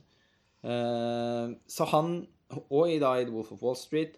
Han eh, Det er en enighet om at det er på tide å belønne Selv om det ikke er snakk om så, så lang periode, at, at det likevel må belønnes på en eller annen måte. Og at han er strålende i denne filmen. Jeg har jo da, som jeg har sagt flere ganger tidligere, ikke sett den. Eh, Jeg ser den logikken der, altså. altså han, har gjort, han, er, han er i vinden, og han har gått ned i vekt. Han har ofra veldig mye for rollen. Nå er tiden inne for å gi ham en en klassisk Oscar-rolle. klassisk Oscar-situasjon, vil jeg si. Ja. Men det er mer med, med den rollefiguren og filmen. Det Dallas Buyers Club som nærmest bare liksom stinker Oscar, da. Det er jo, eh, en ting er jo Jared Leto, som vi snakka om i stad, eh, i, i sin rolle. Men det er i tillegg til at uh, Matthew McConney har gått ned i vekt og uh, spiller en veldig sånn uh, Ja, egentlig en ganske karikert uh, person. En, en litt sånn En litt sånn hardhaus fra sørstatene som drikker mye, tar dop og ligger med damer og er opptatt av rodeo og sånn. Og Ja, han Og, og, liksom, og, og det med og, eh, Homofile har han liksom ikke noe til overs for. Og, det å da bli satt i samme bås som det når han da får hiv, da, som han gjør i filmen, det er liksom en Det byr på mye problemer. Men så øh, øh, gjennomgår han en veldig sånn utvikling i løpet av filmen som også er veldig sånn Oscar-vennlig. At han øh, allierer seg med denne transvestitten, og de to starter seg som business. Eh, og at han uh, blir mer og mer sånn vennligsinna overfor folk som er annerledes. Uh, I tillegg til at filmen hele tiden holdes holdes litt i sjakk, sånn at det ikke blir for sentimentalt. og liksom, Den liksom går aldri utover sine bredder. Så det er liksom en veldig sånn solid sånn Oscar-film da, i alle ledd. Um, og jeg, ja, jeg tror nok også at han går av med seieren der. Men eh, jeg håper også på Leonardo DiCaprio, da. Fordi, eh, altså som Tor Joakim var inne på, så eh, han, Det er klart han, Også her, i likhet med en del andre filmer, så spiller han Han er en veldig sånn eh, stor rollefigur som er veldig mye. Og han eh, slekter jo annet på den karakteren han spilte i The Great, Great Gatsby, litt sånn med tanke på settinga. Og Catch Me If You Can. Og Catch Me If You Can. Ehm, men eh, og, og jeg har hatt veldig problemer med det der gutteaktige med han. Eh, men her eh, blir jeg altså så revet med i hans eh, gestalting av den rollefiguren. Og jeg syns han, han bruker liksom hele spekteret sitt og på en så vellykka måte at Ja, han Jeg håper virkelig at han vinner, da. Jeg syns det ville vært fortjent. Men jeg, jeg kan på en måte ikke tenke meg at han gjør det for den filmen. Eh, Så usympatisk rollefigur Ja. så det er veldig Mm. sjeldent at eh, det hender jo selvfølgelig at, eh, at de også får Oscar. Hannibal Lecter, liksom. Ja. Men, eh, men uh, Men Dallas Bars Club, uh, Matthew McConney der han, det, noe, det, det lukter fra Oscar av hele Men syns du, men syns du det ville vært fortjent da, for hans del som skuespiller? Er det riktig film for han å vinne for? Ja, jeg, jeg, egentlig så syns jeg det. Jeg syns på en måte at det Han, han har ikke de der nyansene eh, som, som jeg syns jeg har sett hos han i noen andre roller. Men jeg tror eh, han selv har liksom virke, Han har virkelig gjort det maksimale ut av den rollefiguren. da. Så jeg, jeg tror Altså På den måten så ville det vært fortjent for han å vinne, Ja. vinne prisen for den, den rollen. Og Eh. det, og det er en god film, det er det. Men øh, ja, som sagt så blir den litt for sånn Den blir litt, litt for tilpassa til at øh, jeg syns det liksom blir en sånn en, en stor klassiker. da. Eh, ja. Jeg som sagt, og da tror jo at det er Matty McConney som vinner prisen, selv om jeg ikke har sett filmen, på, fordi han er eh, så definert som en, eh, som en favoritt. Lenge var jo Chivetel eh, Ejiofor eh, favoritt for 12 Years a Slave, han gjør jo unektelig også en veldig god prestasjon i den eh, filmen, selv om jeg nok igjen ikke Jeg syns ikke syns ikke rollefiguren hans er spennende nok. Og, og jeg, for meg så ble På en eller annen måte så syns jeg den Så, så syns jeg bare Det er noe litt endimensjonalt over både karakteren og egentlig skuespillerprestasjonen, syns jeg. Selv om den kunne ikke vært gjort bedre. Så det, det handler vel mer om Det handler veldig mye om manus, faktisk. Som, som han, da. Jeg, jeg syns jo han var, var veldig god, men på ingen måte noen favoritt for min del. Det er jo ikke noe tvil om at det er Leonardo DiCaprio for The Wolf of Wall Street.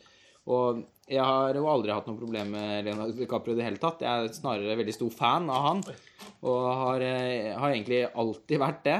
Eh, helt siden eh, Romeo og Julie og Titanic. Og eh, for, for meg er jo han Leonardo DiCaprio altså På en måte er han som et kvalitetsstempel, fordi han nesten utelukkende spiller eh, Spiller i gode filmer, syns jeg. Jeg er imponert over liksom hans rollevalg, da. Eh, selv om man kan si at han ikke alltid utfordrer seg selv så mye, fordi en del av karakterene hans ligner litt på hverandre, og han har jo et visst litt sånn guttaktig preg som han alltid Eller som han veldig ofte spiller på, og de gangene hvor han kanskje lykkes litt mindre, det er når han går for langt i den andre retningen. Eh, for han Ja, det er, det er noe et eller annet Han kler ikke alle roller, men når han først passer, så syns jeg han er helt fantastisk. Og det syns jeg han er i Catch Me If You Can, og jeg syns han er det i, i Revolutionary Road. En rolle som jeg husker jeg var veldig overrasket over at han ikke fikk Oscar-nominasjon for.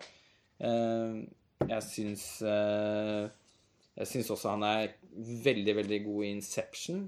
Eh, Jeg syns han er Særlig når jeg så film, fikk sett filmen igjen, så ble jeg også mer og mer begeistra for han i Django Unchained.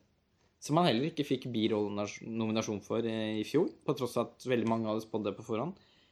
Eh, Men jeg har vel aldri blitt så imponert over han som i The Wolf of Wall Street. Og det har vi jo snakket masse om i den podkasten om den filmen, så jeg trenger ikke å si så mye mer om det, bortsett fra at jeg syns det er en spektakulær skuespillerprestasjon hvor han får vist et veldig, veldig stort register.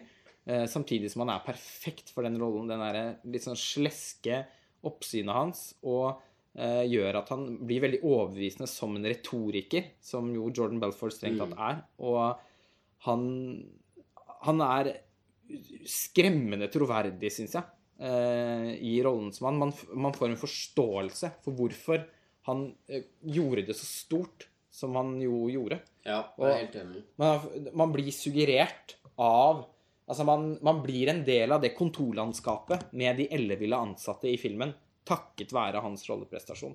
Og de lange scenene hvor han holder disse eh, talene og sånn, er eh, Og slår mikrofonen mot tinningen og Det er jo bare helt eh, fantastisk. Og han er veldig morsom, og han har jo alltid hatt eh, det har jeg ofte tenkt at det er synd at han ikke har fått vist mer av potensialet sitt som komedieskuespiller. Han er jo også veldig morsom i Catch Me If You Can.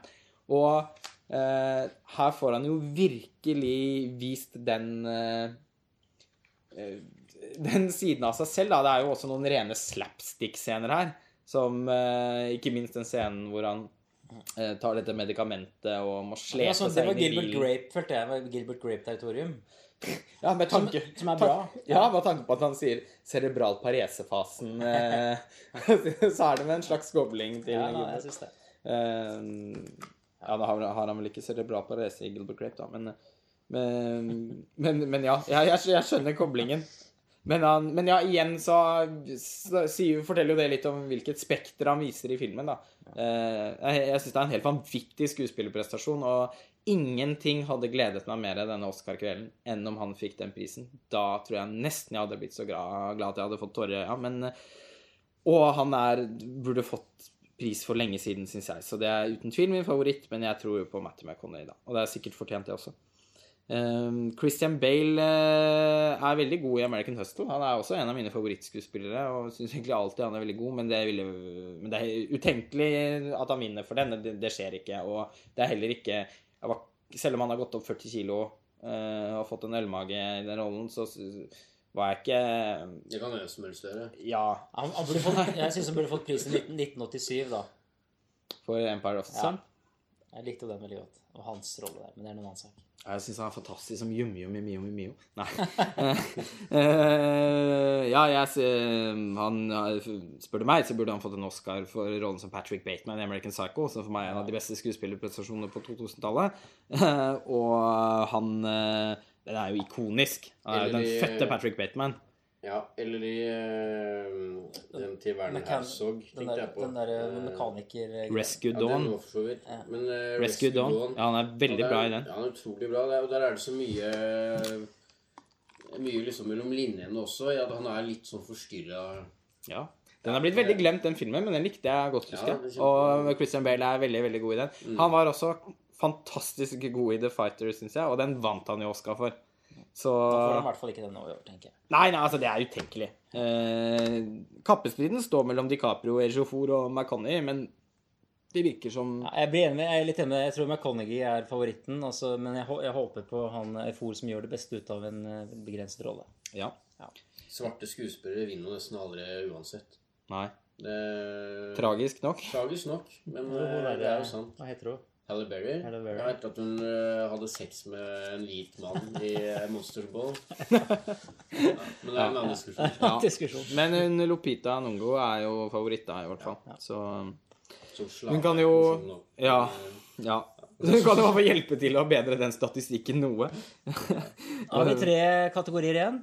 Eh, vi har tre kategorier igjen. Eh, det er beste kvinnelige hovedrolle, som er Amy Adams for American Hustle, Kate Blanchett for Blue Jasmine, Sandra Bullock for Gravity, Judy Dench for Philomena og Meryl Streep nok en gang for August Osage County. Meryl Streep er denne kategoriens John Williams. Ja, det kan man trygt si. Uh, jeg i mitt uh, I min subjekt svært uh, Jeg kan ikke Ja. I min eh, e, I min til, personlig tilpassede hukommelse så var hun også nominert for Mamma Mia. Men hun var jo egentlig ikke det. Men jeg tenker liksom alltid at hun var det. Hun vant publikumsprisen. Ja, det er det ingen tvil om. For det var en brusende begeistring for det hun gjorde i den filmen. Ja. Eh, Det var vel da jeg begynte å merke på at jeg kanskje også hater Mary Streep litt. Eh, Forsterket av en veldig platt rolle som en sånn eh, i, i den filmen Doubt. Som jeg, Ja. og som jeg mislikte sterkt. Og en veldig sånn gapende, karikert eh, rolle i den Julian Julia, som hun også ble Oscar-nominert for. ja. Lovely, Som denne Ja, TV-kokken. hun, blir jo, hun har jo av og til blitt litt sånn parodi av seg selv de senere årene, men hun er jo en fantastisk skuespiller. Selvfølgelig. altså sånn... Det er, det er ikke noe kontroversielt å si det. Nei, nei, nei, nei, nei. Og jeg elsker også veldig mange Meryl Streep-roller i, i alt fra Hjortejegeren eh, til The Hours og Ja, herregud, det er en endeløs Madison County syns Ja. jeg også var Helt Åndenes hus. ja, i, altså sånn I utgangspunktet da ikke et vondt år om Meryl Streep, eh, men litt likevel, fordi jeg syns hun har gått inn i en spor. og Jeg synes Hun velger mange då, Hun har veldig dårlig smak, syns jeg. Hun velger mange dårlige roller. Og, eller, og dårlige filmer, ikke minst. Hun vant jo nå for The Iron Lady. Den så jeg aldri, men den hørte jeg så mye grusomt om. Ja, men den er ikke spesielt bra. Fra regissøren av Mamma Mia. Så det Ja, Ja. Så Men det er jo litt interessant du har en annen madame her også, da, i samme kategori, nemlig Judy Dench Ja. fra Filomena, som også er i- Hun er jo også en eh, Hun er vel adlet. Heter Dame. Jame, Dame Judy Dench, som også Jeg vet ikke hvor ofte hun har blitt nominert. Ikke så ofte som Meryl Streep, men, Nei, men hun eh, har vunnet og blitt nominert ganske mange ganger. ja, jeg mener det. Nå har ikke jeg sett den heller, så det blir håpløst å si rollen der, men eh, ja, vi har alltid vært veldig begeistret for henne, da. eh, Og hennes prestasjoner. Uansett om hun spiller eh, i James Bond eller mer eh, Hun burde, hun burde jo vunnet for den Notes on Scandal, syns jeg. Der synes jeg hun var helt fantastisk. Ja, det er en veldig god film òg. Men eh, eh, Ja, jeg er veldig begeistret for Judy Dench, jeg. Eh, men hun spiller vel i nesten alle britiske filmer. Og eh, det er noe et eller annet litt sånn selvskrevet med at And Judy Dench for Philomena. Er men, eh, men hun er sikkert eh, Jeg er veldig begeistret for henne, så jeg, hun er sikkert knakende god i den, men jeg har jo ikke sett filmen, jeg heller. Spørsmålet her er har Sandra det vet jeg ikke, har Sandra Bullock en Oscar fra tidligere? Ja. Hun fikk for en blindside. blind Blind. Ja. Oh, ja. Så derfor så tviler jeg på at hun vinner. Uh, selv om hun er en slags sånn Jeg vet ikke, hun er vel en slags sånn eh, Virker som nesten er en sånn personlig favoritt hos mange, føler jeg, i Hollywood og Ja, ja.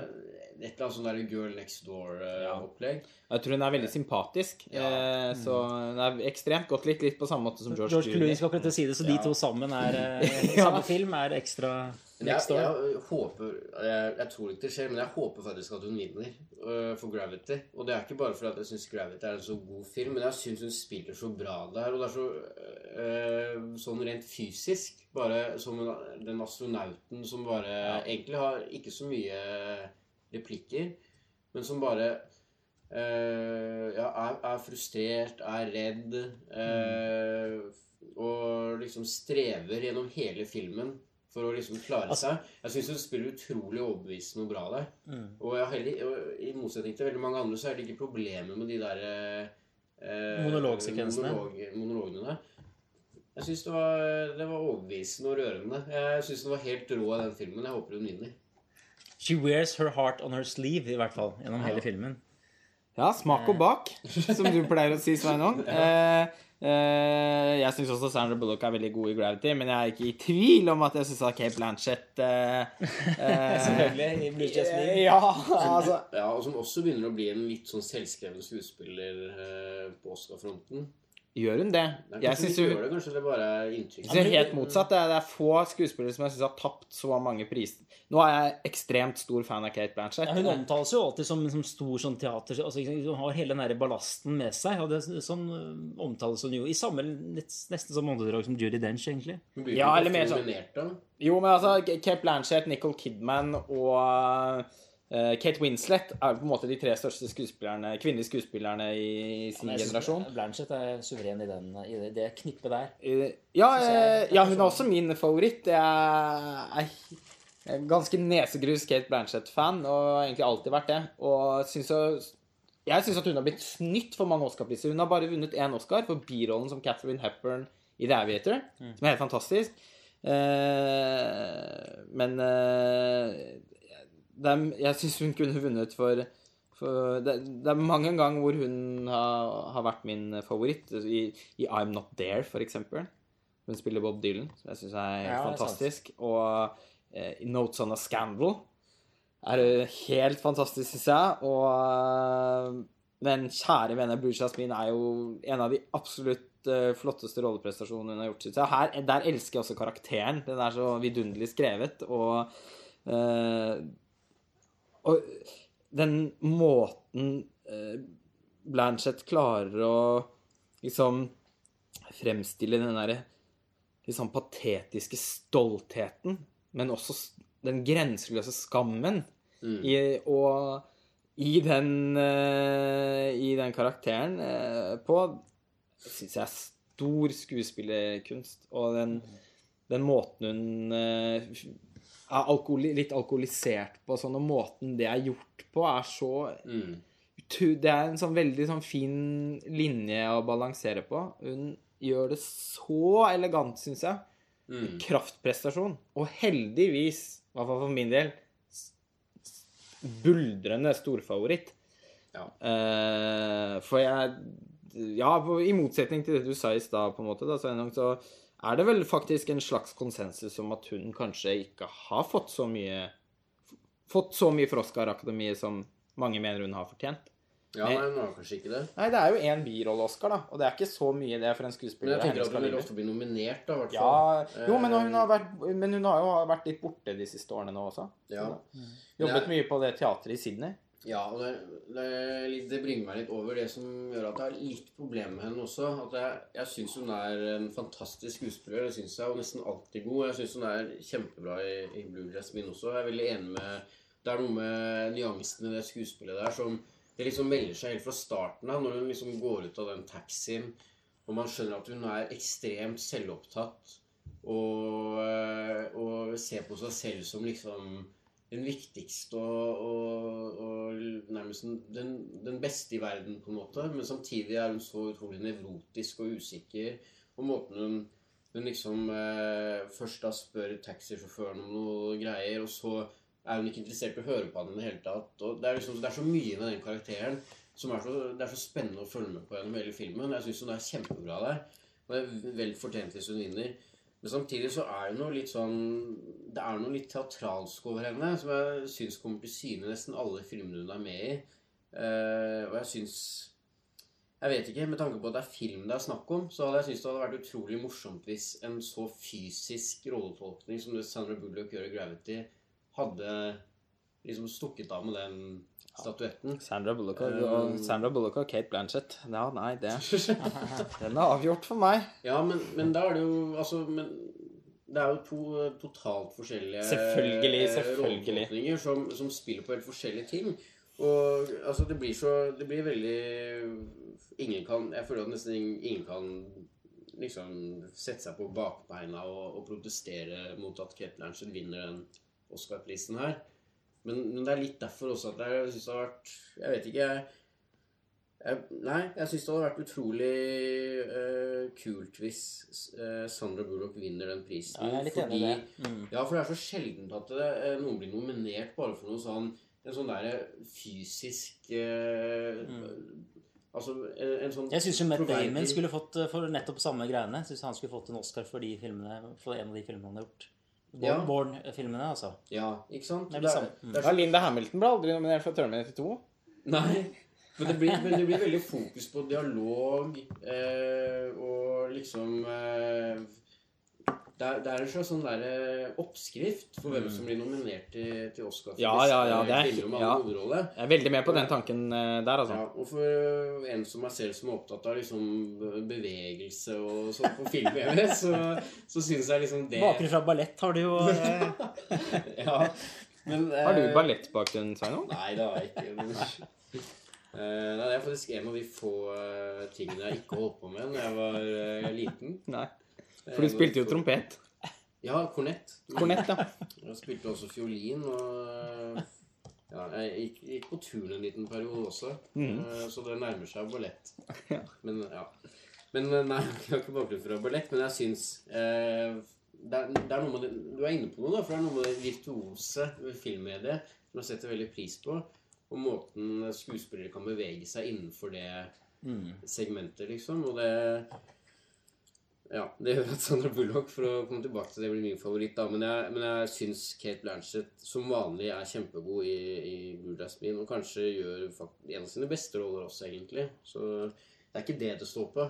Nei. Nei. Uh, nei, hun er i hvert fall min favoritt, uh, og det er hun jeg tror vinner også. Ja.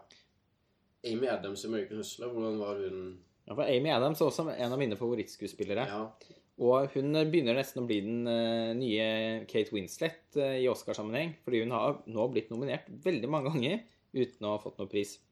Og det ble jo Kate Winslet òg ble nominert gang på gang på gang. Og fikk aldri prisen før hun til slutt fikk den for litt dessverre på en måte for The Reader. Veldig underholdende, men kanskje ikke dypest sett så god film. Eh, og i hvert fall ikke hennes eh, ikke hennes favorittprestasjon. Eh, eller min favorittprestasjon av henne, selv om den jo også er veldig god. Eh, Hun burde jo blitt nominert for å ha vunnet for Revolutionary Road samme år, syns jeg. Mm.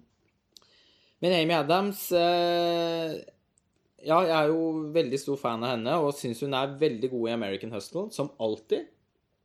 Men jeg er på ingen måte den rollen jeg vil at hun skal vinne for. Jeg syns det var eh, en fornærmelse at hun ikke vant for The Fighter. For beste kvinnelige birolle. Da var det Melissa Leo som fikk den prisen for samme film. Og hun syns jeg var ganske karikert og litt endimensjonal, egentlig. Eh, mens Amy Adams imponerte meg så voldsomt i den filmen at jeg nesten ikke visste hvor jeg skulle gjøre av meg. Eh, ja, det, det, jeg syns det er en gåte at hun ikke vant den Oscar-prisen. Så jeg skulle jo fortsatt bare ønske at hun vant for den, og, for, forhåpentligvis for noe annet uh, i, i nærmeste framtid. Men eh, det ville føles merkelig, syns jeg, om det ble American Hustle. Og hun Jeg tror ikke hun har noe sjans. Det, det er Kate Blanchett som er stor favoritt, så det ville være en ganske Det ville være en- et av de største overraskelsene i løpet av kvelden, i hvert fall, hvis hun ikke vinner den prisen. Så har vi de to aller gjeveste prisene igjen. Beste regissør og beste film. Beste regissør, der er da de, de nominerte David O. Russell for American Hustle, Alfonso Cuarón for Gravity, Alexander Payne for Nebraska, Steve McQueen for 12 Years a Slave og Martin Scorsese for The Wolf of Wall Street. Ja, det er eh, sterke regissører alle sammen, da. Eh, men eh, eh, Ja, nei, altså her Dette, dette er kveldens klareste pris, syns jeg. Vi har snakket så mye om Gravity tidligere også, i alle forskjellige tekniske priser og sånn, men som vi har vært inne på også, så er det en veldig regidreven film. Jeg kan ikke fatte og begripe at ikke den skal gå av med, med seieren i denne kategorien, selv om, selv om det er, selv om det er Scorsese og McQueen og Payne og Russell også han skal opp mot. Jeg ser, ikke, jeg ser ikke noen andre filmer som er så Selv ikke Wolf of Wall Street, som er så drevet av hans visjon som den filmen der. Nei, jeg er enig. Jeg håper og tror at det blir Gravity.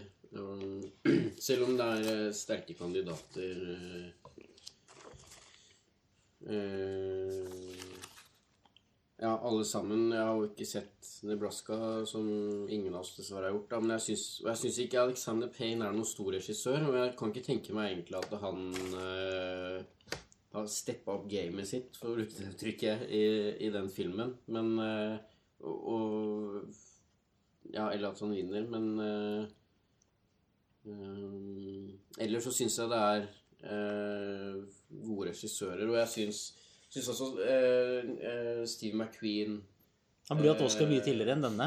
ja, han burde, han burde nok det. Men jeg syns at han, han, han gjør også noe i, i Twelve Years a Slave. Og jeg syns eh, han klarer å eh, å, å liksom eh, blande inn den eh, den bakgrunnen han har for liksom eh, videokunsten og ja, ba, Bare som sånn visuell kunstner. da. Syns han klarer å liksom eh, bake det inn i, i et felles på en veldig eh, fascinerende måte. F.eks. denne lange sekvensen hvor eh, han eh, Chivetel for? ja, eh, står eh, med løkka rundt halsen eh, ute på, eh, på plenen der, og, og kameraet bare holdes og holdes. Det blir noe sånn nesten litt konseptuelt som, eh, som jeg føler kunne hørt hjemme liksom som et sånt eget verk. da. Et som- tablå i en eh, kunst... eh, Altså en uh, galleri. Ja, men som man da klarer å liksom uh, bake inn i en spillefilm Mm, hvor det liksom det. eh, Ja. Det, han, han gjør, jeg syns han gjør faktisk veldig mye visuelt spennende i den filmen. Og, og at regien er utrolig god. Men Gravity er liksom i en egen kategori for meg her, da. Jeg synes, ja, det må jeg glemte å si det. det er på meg Gravity det er både favoritten, tror jeg, og min personlige favoritt. Mm. Ja, den er jo storfavoritt, fordi, eh, både fordi det er en så åpenbar kraftprestasjon. Alfonso Cuarón er en regissør som nyter veldig stor respekt. eh, selv om han har en veldig sånn eklektisk filmografi. Han har gjort veldig mye forskjellig. Eh, alt fra eh, Og mora di også til eh, The Harry Little Potter. Princess og Harry Potter og Fangen fra Azkaban, som uh, er en av mine favoritter. Og Children of Men. Mm. Så Og så har han brukt sju år. ja. Uh, han har vel ikke brukt alle syv årene, Nei. men- men han har holdt på med den igjen tre-fire år nå i hvert fall. Gravity. Og det var sju. Ja, men det er syv år siden forrige film. Ja, sånn, siden Children of Men. Og det er Han vant jo DGA for Og, og som, som jo Det er jo som oftest også den som, som ender opp med å vinne Oscar-prisen. Altså Regissørforbundets eh, egen pris. Og eh, det ville vært eh, ekstremt overraskende hvis han ikke tar med seg, tar med seg den prisen. Det er, nest, det er vel også en av kveldens sikreste priser, tror jeg. Eh, Jeg ville vært veldig skuffet hvis det ble Steve McQueen. Eh, I motsetning til deg så syns ikke jeg han klarer å forene det så godt som jeg hadde håpet. Altså sin bakgrunn som, som billedkunstner og videokunstner. Videokunstner, først og fremst. eh, På en så spennende måte i den filmen. Jeg syns det er noen veldig gode tilløp der. og den første halvtimen uh, syns jeg virkelig han får det til. Den, der eh, der syns jeg regien puster meg veldig Altså Der syns jeg filmspråket puster meg veldig i ansiktet. Men jeg syns den flater seg ganske mye ut etter hvert og ble mye mer konvensjonell og eh, til tider litt sånn kjedelig iscenesatt. I hvert fall i forhold til hva jeg hadde håpet på. Og jeg Mm. syns det ville vært trist om det var den filmen han skulle vinne en regi-Oscar for. Jeg liker de to foregående filmene hans mye bedre, da. Mm. Både Hunger og Men altså, Hunger og Shame var vel aldri i nærheten av å få noen reginominasjoner for de, for de er så langt utenfor hva Oscar-akademiet setter pris på. Men, ja. men regipresentasjonen i Hunger er jo helt utrolig. Spesielt den, syns jeg. Og uh, Nei, jeg, jeg, jeg syns det ville føles veldig feil hvis han vinner for den. Uh, og han, han er jo da heller ikke favoritt uh, til den prisen. Det er det heldigvis Alfonso Cuaron som er. Det ville også føltes veldig merkelig synes jeg, om David O. Russell skulle få den for American Hustle. En veldig underholdende, velsmurt film, men som etterlater nokså eh, Nokså lite, samlet sett. Jeg syns eh, Jeg likte de to forrige filmene hans eh, ganske mye bedre enn den her, selv om jeg det er noe med David O'Russell sin han, en, han er jo litt uspektakulær, på en måte, samtidig som han også er en drivende god regissør. Fordi han er så Han er god på rytme og tempo og Det er en energi og en sånn over, følelse av overskudd i filmene hans som jeg setter veldig pris på. Synes, og han er en fabelaktig skuespillerinstruktør. Så eh, det er ikke det at han, at han en eller annen gang skal få seg en Oscar-pris. Det er jeg overbevist om. Men jeg syns ikke det skal bli for American Hustle. Eh, Jeg tror jo da selvfølgelig da at det blir Alfonso Cuarón som tar prisen, men, eh, men min favoritt er Martin Scorsese for The Wolf of Wall Street. For det er også en kraftprestasjon, syns jeg. Og at en 71 år gammel mann kan lage den filmen, eh, det er, eh, det er forstummende. Og igjen, det har vi snakket så mye om i den egne Ja. podkasten om den filmen, men eh, jeg legger meg ned på gulvet og spreller av glede bare jeg tenker på den filmen. Har jeg sett den tre ganger, og jeg skal faen meg få meg, meg en fjerde gang på kino Ja. eh, før den går av. Dette er For meg er den filmen noe av det beste de siste årene, og jeg syns det er den beste Nå har jeg også har jeg hatt den store gleden av å se opp igjen en del Martin Scorsese-filmer også. Litt for å også bevisstgjøre meg selv på hvor høyt jeg faktisk vil plassere The Wolf of Wall Street, og det er skremmende høyt. Eh, Jeg syns det er den beste filmen han har laget siden Goodfellas, og en av de beste filmene han har gjort noensinne. Og jeg er helt overbevist om at den kommer til å bli stående igjen som en virkelig som en amerikansk filmklassiker. I, i en større grad enn nesten noen av de andre filmene her, bortsett fra Gravity, som jo også har et sånn Den har også et innlysende klassikerpotensial i, i bare som, som en teknisk prestasjon. Men eh, Mer enn en Oliver Stones Wall Street.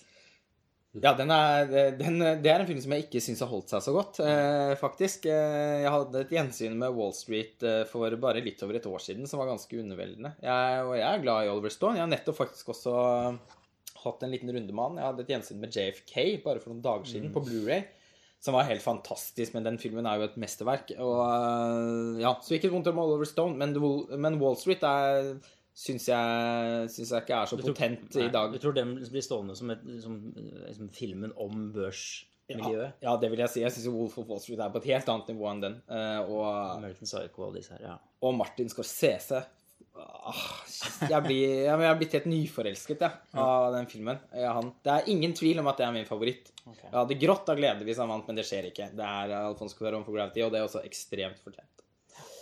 Men dere både også håper og tror på Gravity. da. Ja, men jeg må også si at hvis du er nyforelska i Scorsese, så det var det vel en, eh, en gammel og eh, inngrodd kjærlighet der, for min del. Eh, og, men jeg syns jo likevel også at The Wolf of Wall Street er hans beste film på, på mange, mange år. Uh, og som jeg også skrevet om i omtale av filmen, så så syns jeg, til tross for at han har laget mange gode filmer de siste årene, så er det et driv og en energi i The Wolf of Wall Street som er utrolig imponerende, og som, som virkelig gjør at den filmen skiller seg fra det, det han har gjort egentlig ja, minst de siste 10-15 årene. Så på et vis så håper jeg kanskje at han skal vinne også, fordi jeg syns det ble så dumt når han vant for, for, han vant for The Departed Ja. omsider. Og det ble så dumt at han skulle vinne for den filmen. Ja, det var Eh, skikkelig sånn trøstepremiefølelse. ja, og det ville vært så utrolig mye mer rettferdig hvis han skulle vinne en tilsvarende pris for The Wolf of Wall Street. Ehm, og ja, nei, jeg er kjempefan av Scorsese og syns at uh, hans siste film er vanvittig bra. Så det, jeg vil absolutt unne han å vinne den regiprisen. Men det er noe med Gravity likevel. Så det er noe med at den, den føles så innovativ uh, på et vis. Sånn uh, regimessig og Det var noe med at Altså, litt i likhet med The Wolf of Wall Street, da, så, så gjorde den at liksom Jeg bare kjente at Å, dette er hvorfor jeg elsker film. Men, men Gravity, den, den var en sånn enormt sånn fysisk opplevelse som, som har holdt seg etter at jeg har sett den igjen også. Og eh, det, det, det blir min favoritt. Og jeg, jeg håper at han vinner for beste regi, Kvaron, da, for, bare fordi den jeg vet ikke, Man snakker liksom om, om at uh, alt, det er snakk om at TV-serien er den nye filmen, og at folk går på, mindre på kinoen før, bla, bla, alle disse tingene. Og at liksom At han, han, klarer å liksom løfte fram filmmediet på en sånn ny måte. I hvert fall opplever jeg det sånn. Det, det syns jeg er liksom et argument i seg selv for at han skal vinne den regiprisen. Ja, det er noe pure cinema over den uh, filmen. Ja. Og, uh, ja, og jeg er generelt også veldig begeistra for Cuarón, og har alltid vært det. Eh, s- Selv om eh, Gravity faktisk da ikke er min favorittfilm av han. Men, eh, eh, men en helt fantastisk flott eh, En fantastisk flott film og en, og en regiprestasjon som Det er umulig å liksom ja, Den lar seg jo ikke overvurdere, egentlig. Men Men Martin Scorsese, altså. Jeg syns jo han skulle vunnet for Hugo også, bare så det er sagt. Eh, Husker jeg. Da var det jo han Michel Hassanavicius som vant for The Artist. Den filmen er det vel ingen som husker. Den er. Det er en annen sak. Nei, jeg sy- Og Regien i Hugo var jo på et helt annet nivå. Jeg er helt enig. ja, det var, ja, burde jo vunnet da også. Uh, det burde Terence Malick også, for Tree of Life det samme året. Men det var vel sjanseløst. OK. Da kommer vi til det som ofte pleier å være det mest sånn derre Ja, ja. Når vi har hatt disse podkastene de siste årene, så er det vel Ja, så er det beste filmen. Ja, storfavoritten er jo den, og det blir da, da, da, da. Men i år er det en litt annen situasjon. Fordi det er eh, litt åpent, faktisk. Det er flere sterke kandidater som på hver sin måte er favoritt til å ta igjen den prisen. Og ja, når vi kom inn på beste manus og beste klipp og sånn i stad, så er det mm, Det blir veldig spennende å liksom følge dramaturgien i utdelingen, fordi mye vil liksom tegnes opp underveis. Så man vil nok på et eller annet tidspunkt merke litt eh, hvor veien går. Men det er vanskelig å si på forhånd. Eh, fordi det er flere eh, Det er mange filmer som kniver om favorittstempelet. Filmene som er nominert, er The Wolf of Wall Street, American Hustle, Nebraska, Captain Phillips, Filomena, Dallas Buyers Club, 12 Years a Slave, Gravity og Her. Alle filmer som vi har snakket om eh, mye allerede. Ja. Ikke overraskende. Um, ja, vi er oppe i den diskusjonen igjen, da. Altså, jeg har jo nevnt Gravity gjennom hele prosessen. Skal jeg nå liksom bare klinke til å nevne den også, i og med at eh, ja, altså, Det hele kulminerer også i at den blir totalvinner for hele kvelden. Eller, eller tenker man som så at eh, nei, nå går vi en helt annen vei, og så blir det Filomena, eller et eller annet sånt. No offense til Filomena, altså. Men, eh, men jeg tror vel summa summarum at det blir Og det blir ofte sånn. Det blir sånne store med en film som vinner masse priser. Og kveldens vinner blir Gravity. Det er jeg helt sikker på. Eh, Så spørsmålet er eh, For Det har vært ganske jevnt fordelt de siste årene, bare som en innskytelse. Eh, Hva var det i fjor? Da var det jo um, Argo. Den vant bare tre priser, den. Året før var det The Artist, som vant fire priser. Ja, det er sant. Det Året jevnet- før der, Kongens tale, fire Ja, priser. Ja, det har jevna seg litt ute der, heldigvis. Um, så Gravity mm, fremdeles personlig favoritt. Uh, og jeg tror også den eh, vinner i konkurranse med The Wolf of eh, Wall Street. Mm, Tror du den har noen sjanse? Ja, Ja, det er sprekt. jeg Ja, jeg, ja, jeg tror ikke det. Men, Nei, det eh, tror men, ikke jeg heller. Men jeg, jeg Tror du da håper- Dallas Bice Club? Tror du virkelig det? Nei, den tror tror jeg jeg heller ikke har Nei, noe ok, da er jeg helt ute å kjøre, jeg, da. Men jeg, jeg, håper, jeg håper at Gravity eller The Wolf of Wall Street vinner. Det er i hvert fall eh, Egentlig så er det det eneste jeg bryr meg om her. At en av de skal vinne. Og at, også eventuelt at Her da ikke skal vinne. Hvis den vinner, da Ja, eller, eller altså, Nå har jeg ikke sett American Hustle, men jeg håper ikke liksom, sånn, sånn film som det, eller Filomena eh, eller Her vinner i dette selskapet. Nei. Det er litt med selskapet òg, ikke sant? Tenk på det også. Man eh, Ja. Man drikker ikke vann når det er gratis champagne. Nei, det er et godt poeng. Eh, Hva er dine spådommer, Svein, Sveinung? Jeg tror vel at Gravity vinner. Eh, og nå Jeg har fått en sånn liten følelse for Captain Phillips også. Eh, at den kanskje stiller sterkere enn i hvert fall jeg trodde, da. Eh, men jeg, jeg tror det blir Gravity som, eh, som går av med seieren. Og eh, som sagt så håper jeg også at det blir den eller The Wolf of Wall Street. Men jeg kan aldri tenke meg at Scorsese Tror du ikke det? Nei, den Det er for mye for drøy. Det er for mye drøyt. Altså. Ok. Er- Skal det være en film som vinner hvor uh, hvor Leonardo DiCaprio sniffer kokain ut av en rumpesprekk som, som man ser nesten i nærbildet? Det, det virker jo Det virker jo helt utrolig. Ja, da må jeg nullstille meg fullstendig hvordan jeg kjenner eh, Oscar Ja, det har nesten skjedd en slags eh, revolusjon. Ja.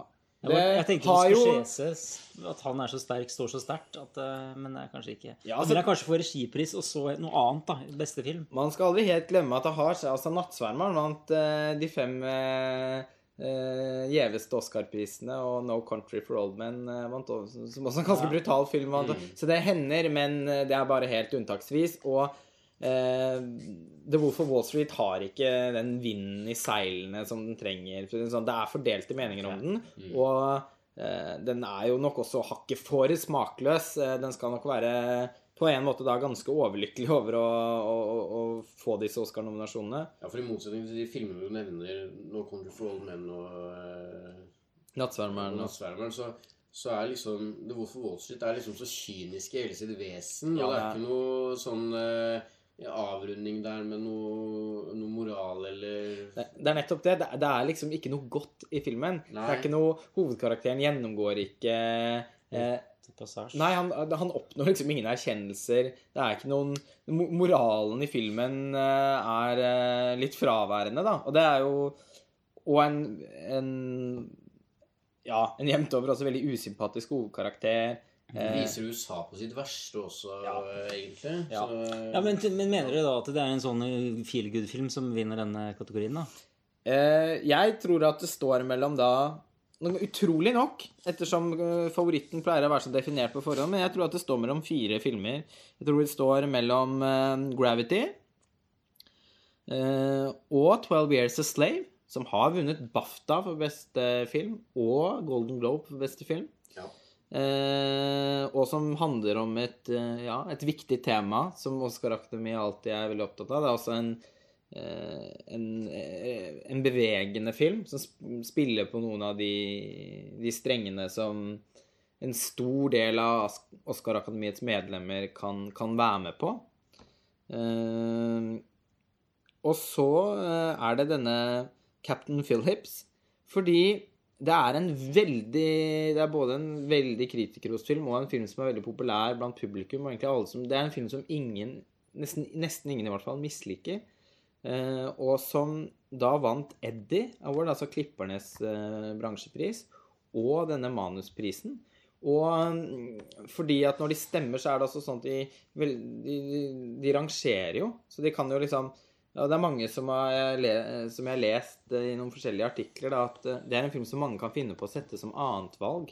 Og, og som derfor eh, kan Hvis, hvis spriket er for stort mellom de andre favorittene, da, så er den en som på, på en sånn snikende måte kan, okay. kan komme. Så det, er, det er, finnes noen teorier rundt det, i hvert fall. Jeg ville blitt veldig overrasket hvis Captain Phillips vant beste film. Jeg må si det. Men, eh, men tar den klipp og manus, så er det fare på ferde. Og det Eller og fare på ferde. Altså, det ville vært en glede, det. Jeg syns I min bok er det en bedre film enn mange andre på listen her. Eh, og så er det American Hustle. Og American Hustle har vunnet de to aller viktigste forhåndsindikatorene, som er Screen eh, Actors Guild Award og Producers Guild Award. Eh, produsentenes pris, som på en måte er beste filmprisen, Mm. Og skuespillernes pris. Og størsteparten av Oscar-akademiet består jo som kjent av skuespillere. Så når skuespillerne allerede har uttrykket sin begeistring for den filmen, så er det eh, to veldig sterke Ja, det er en ganske sterk indikasjon på at begeistringen for filmen er, eh, er stor. Jeg syns det ville være litt synd om eh, For, for, for meg blir American Hustle, selv om jeg syns det er en god, underholdende film, ville den litt føyd seg inn i rekken av de siste årenes Oscar-priser, som går til filmer som er eh, eh, som, som ikke er store filmmerker, og som eh, som er litt koselige, ja. der og, som der og da føles som noe et eller annet eh, behagende eller eh, fortryllende, men som i det store bildet fa liksom svinner litt hen, da. Mm. Eh, og hvis den vinner, så, så syns jeg sørgelig nok at den blir enda en av de filmene. Eh, ja, ja. Som, som alle sikkert skjønner, så er jo også min favoritt her The Wolf of Wall Street. Eh, men av de realistiske favorittene så krysser jeg jo armer og bein og fingre og tær for at Gravity vinner for beste film. Men jeg har en følelse av at eh, Og dette er veldig vanskelig, kjenner jeg. Fordi eh, når vi har snakket om eh, Gått gjennom listen her, så har ikke American Hustle tatt med seg en eneste annen pris. Og det ville vært helt vanvittig og, nesten historisk om en Oscar-vinner for beste film bare vinner prisen for beste film. Så det er jo også litt urealistisk. Men med tanke på at den har skuespillernes og produsentenes priser med seg fra før, så er det likevel Og Golden Globe for best komedie. Så er det det, men det føles likevel Jeg er fryktelig usikker. Jeg vet nesten ikke hva jeg det er veldig vanskelig å si, for det er jeg sliter selv med. Men jeg har en følelse av at beste film og regi for første gang på noen år nå blir splitta. Ja. For jeg har, selv om Gravity kommer til å få flere priser i løpet av kvelden, det er nesten helt sikkert, men jeg har også en følelse det, også, Du må huske på det Oscar Akademi. De, de er ikke så kule heller. Det pleier alltid å bli noe su ja, og noen sure miner eh, Så hvis, hvis, hvis Gravity får regiprisen og en rekke av de andre prisene som, vi- som vi har vært innom, så er det kanskje ikke så sannsynlig at den da får denne. Ja, altså Normalt så ville det vært med på å bidra til at Normalt, men nå sier du at de, de siste årene så har det jo skjedd at det Ja, splittes da, opp litt. nettopp. Og selv om Ja, i fjor Argo var ikke nominert til beste regi engang, men vant beste film. Mm. Eh, I seg selv eh, også veldig besynderlig. Og et avvik fra, fra hva man er vant til. Så Magefølelsen min sier bare at, at, at, at, at, at det ikke blir Gravity av uh, eh, Av smertelig erfaring. Så, så mistenker jeg nok at 12 Years a Slave og American Hustle Ja. ja. Og jeg Slave stiller sterkt, og med tanke på at den er så tematisk mye større og sterkere enn Gravity, da. Eh, altså Ikke egentlig, syns jeg. For Gravity sier mye om, om menneske, det å være menneske og eh, Ja, mye forskjellig. Men, men Tverrløse Slave, dette denne liksom tematiske innpakninga og det histor Konkret. historiske øh, Ja, og også veldig konkret, ja. eh, gjør vel at jeg tenker at det er en sterk kandidat. Mm. Ja, Den har jo noen ingredienser som pleier å appellere til eh, Oscar-akademiet. Mm. Eh, så for Men jeg Jeg er altså så usikker som jeg aldri har vært før i Oscarsammenheng, tror jeg. Men eh, Nei, men Vi har jo landet på noen slags eh, analyser her nå. ja, vi har det. Jeg syns jo det. Men jeg må komme Jeg vet hva? Eh, for dette er jo også litt en gjettekonkurranse. Eh, Ja, ok, ja. Jeg, eh, jeg går for American Hustle. Ok. Al- Altså sånn eh, at, at, at, at Producers Guild Award og Actors Guild Award Det må være en slags voldsom begeistring for den filmen, selv om jeg tror den mister eh, så å si alle andre prisene. Så nå har det skjedd så mye rart med Argo og sånn i fjor. Da er det litt sånn at alt kan skje. Kanskje det blir et sånn helt besynderlig tilfelle av eh, hvor den eh, hvor, hvor Ja. den vinner beste film, og kanskje bare den prisen, eller eventuelt én uh, til. Ja, jeg vil forandre, også jeg vil forandre mener. Jeg har overbevist meg at Wolf of Wall Street ikke er noe eh, Ja. veldig aktuell kandidat for, eh, for å vinne beste, så da, skifter jeg til 12 Years a Slave. Ja, jeg har også bytta nå. Jeg tror det blir den. 12 Years a Slave? Ja. Den håper på Gravity. Ja. Håper på Gravity. Det håper Eller jeg. Wolf of Wall Street. Ja. Ja, ja, Nei, jeg hopper, nei, jeg hopper bare på Gravity. ja. De realis- eh, jeg- I en perfekt verden så syns jeg Wolf of Wall Street ville vunnet nesten alle prisene. Men, eh, men, eh, men i en realistisk Oscar-verden, så på måte Av favorittene så heier jeg også på Gravity, men frykter og velger å regne med at Eller tro på at det Spå at det blir American Hustle. OK? Fantastisk. Da har vi kommet oss gjennom listen. To timer og 42 minutter har denne podkasten vart. Ja. Uh, Vi får se. Det blir morsomt da når det, det, ja, når det er over. Så må vi ta og se hva, hvem som har fått flest uh, innertiere her. ja, det blir spennende å se hvem av oss som vinner. Da, uh, da får dere ha god Oscar-natt, begge to. Jo, i like måte. Ja. Jeg skal på Drake-konsert søndag, så kanskje jeg kommer hjem da litt seint, og så setter jeg meg bare Å, og- nydelig. nydelig. og ser Oscar, rett og slett. Det er useriøst. På TV6. Nei, uff, dette må du ikke avsløre for lytterne våre.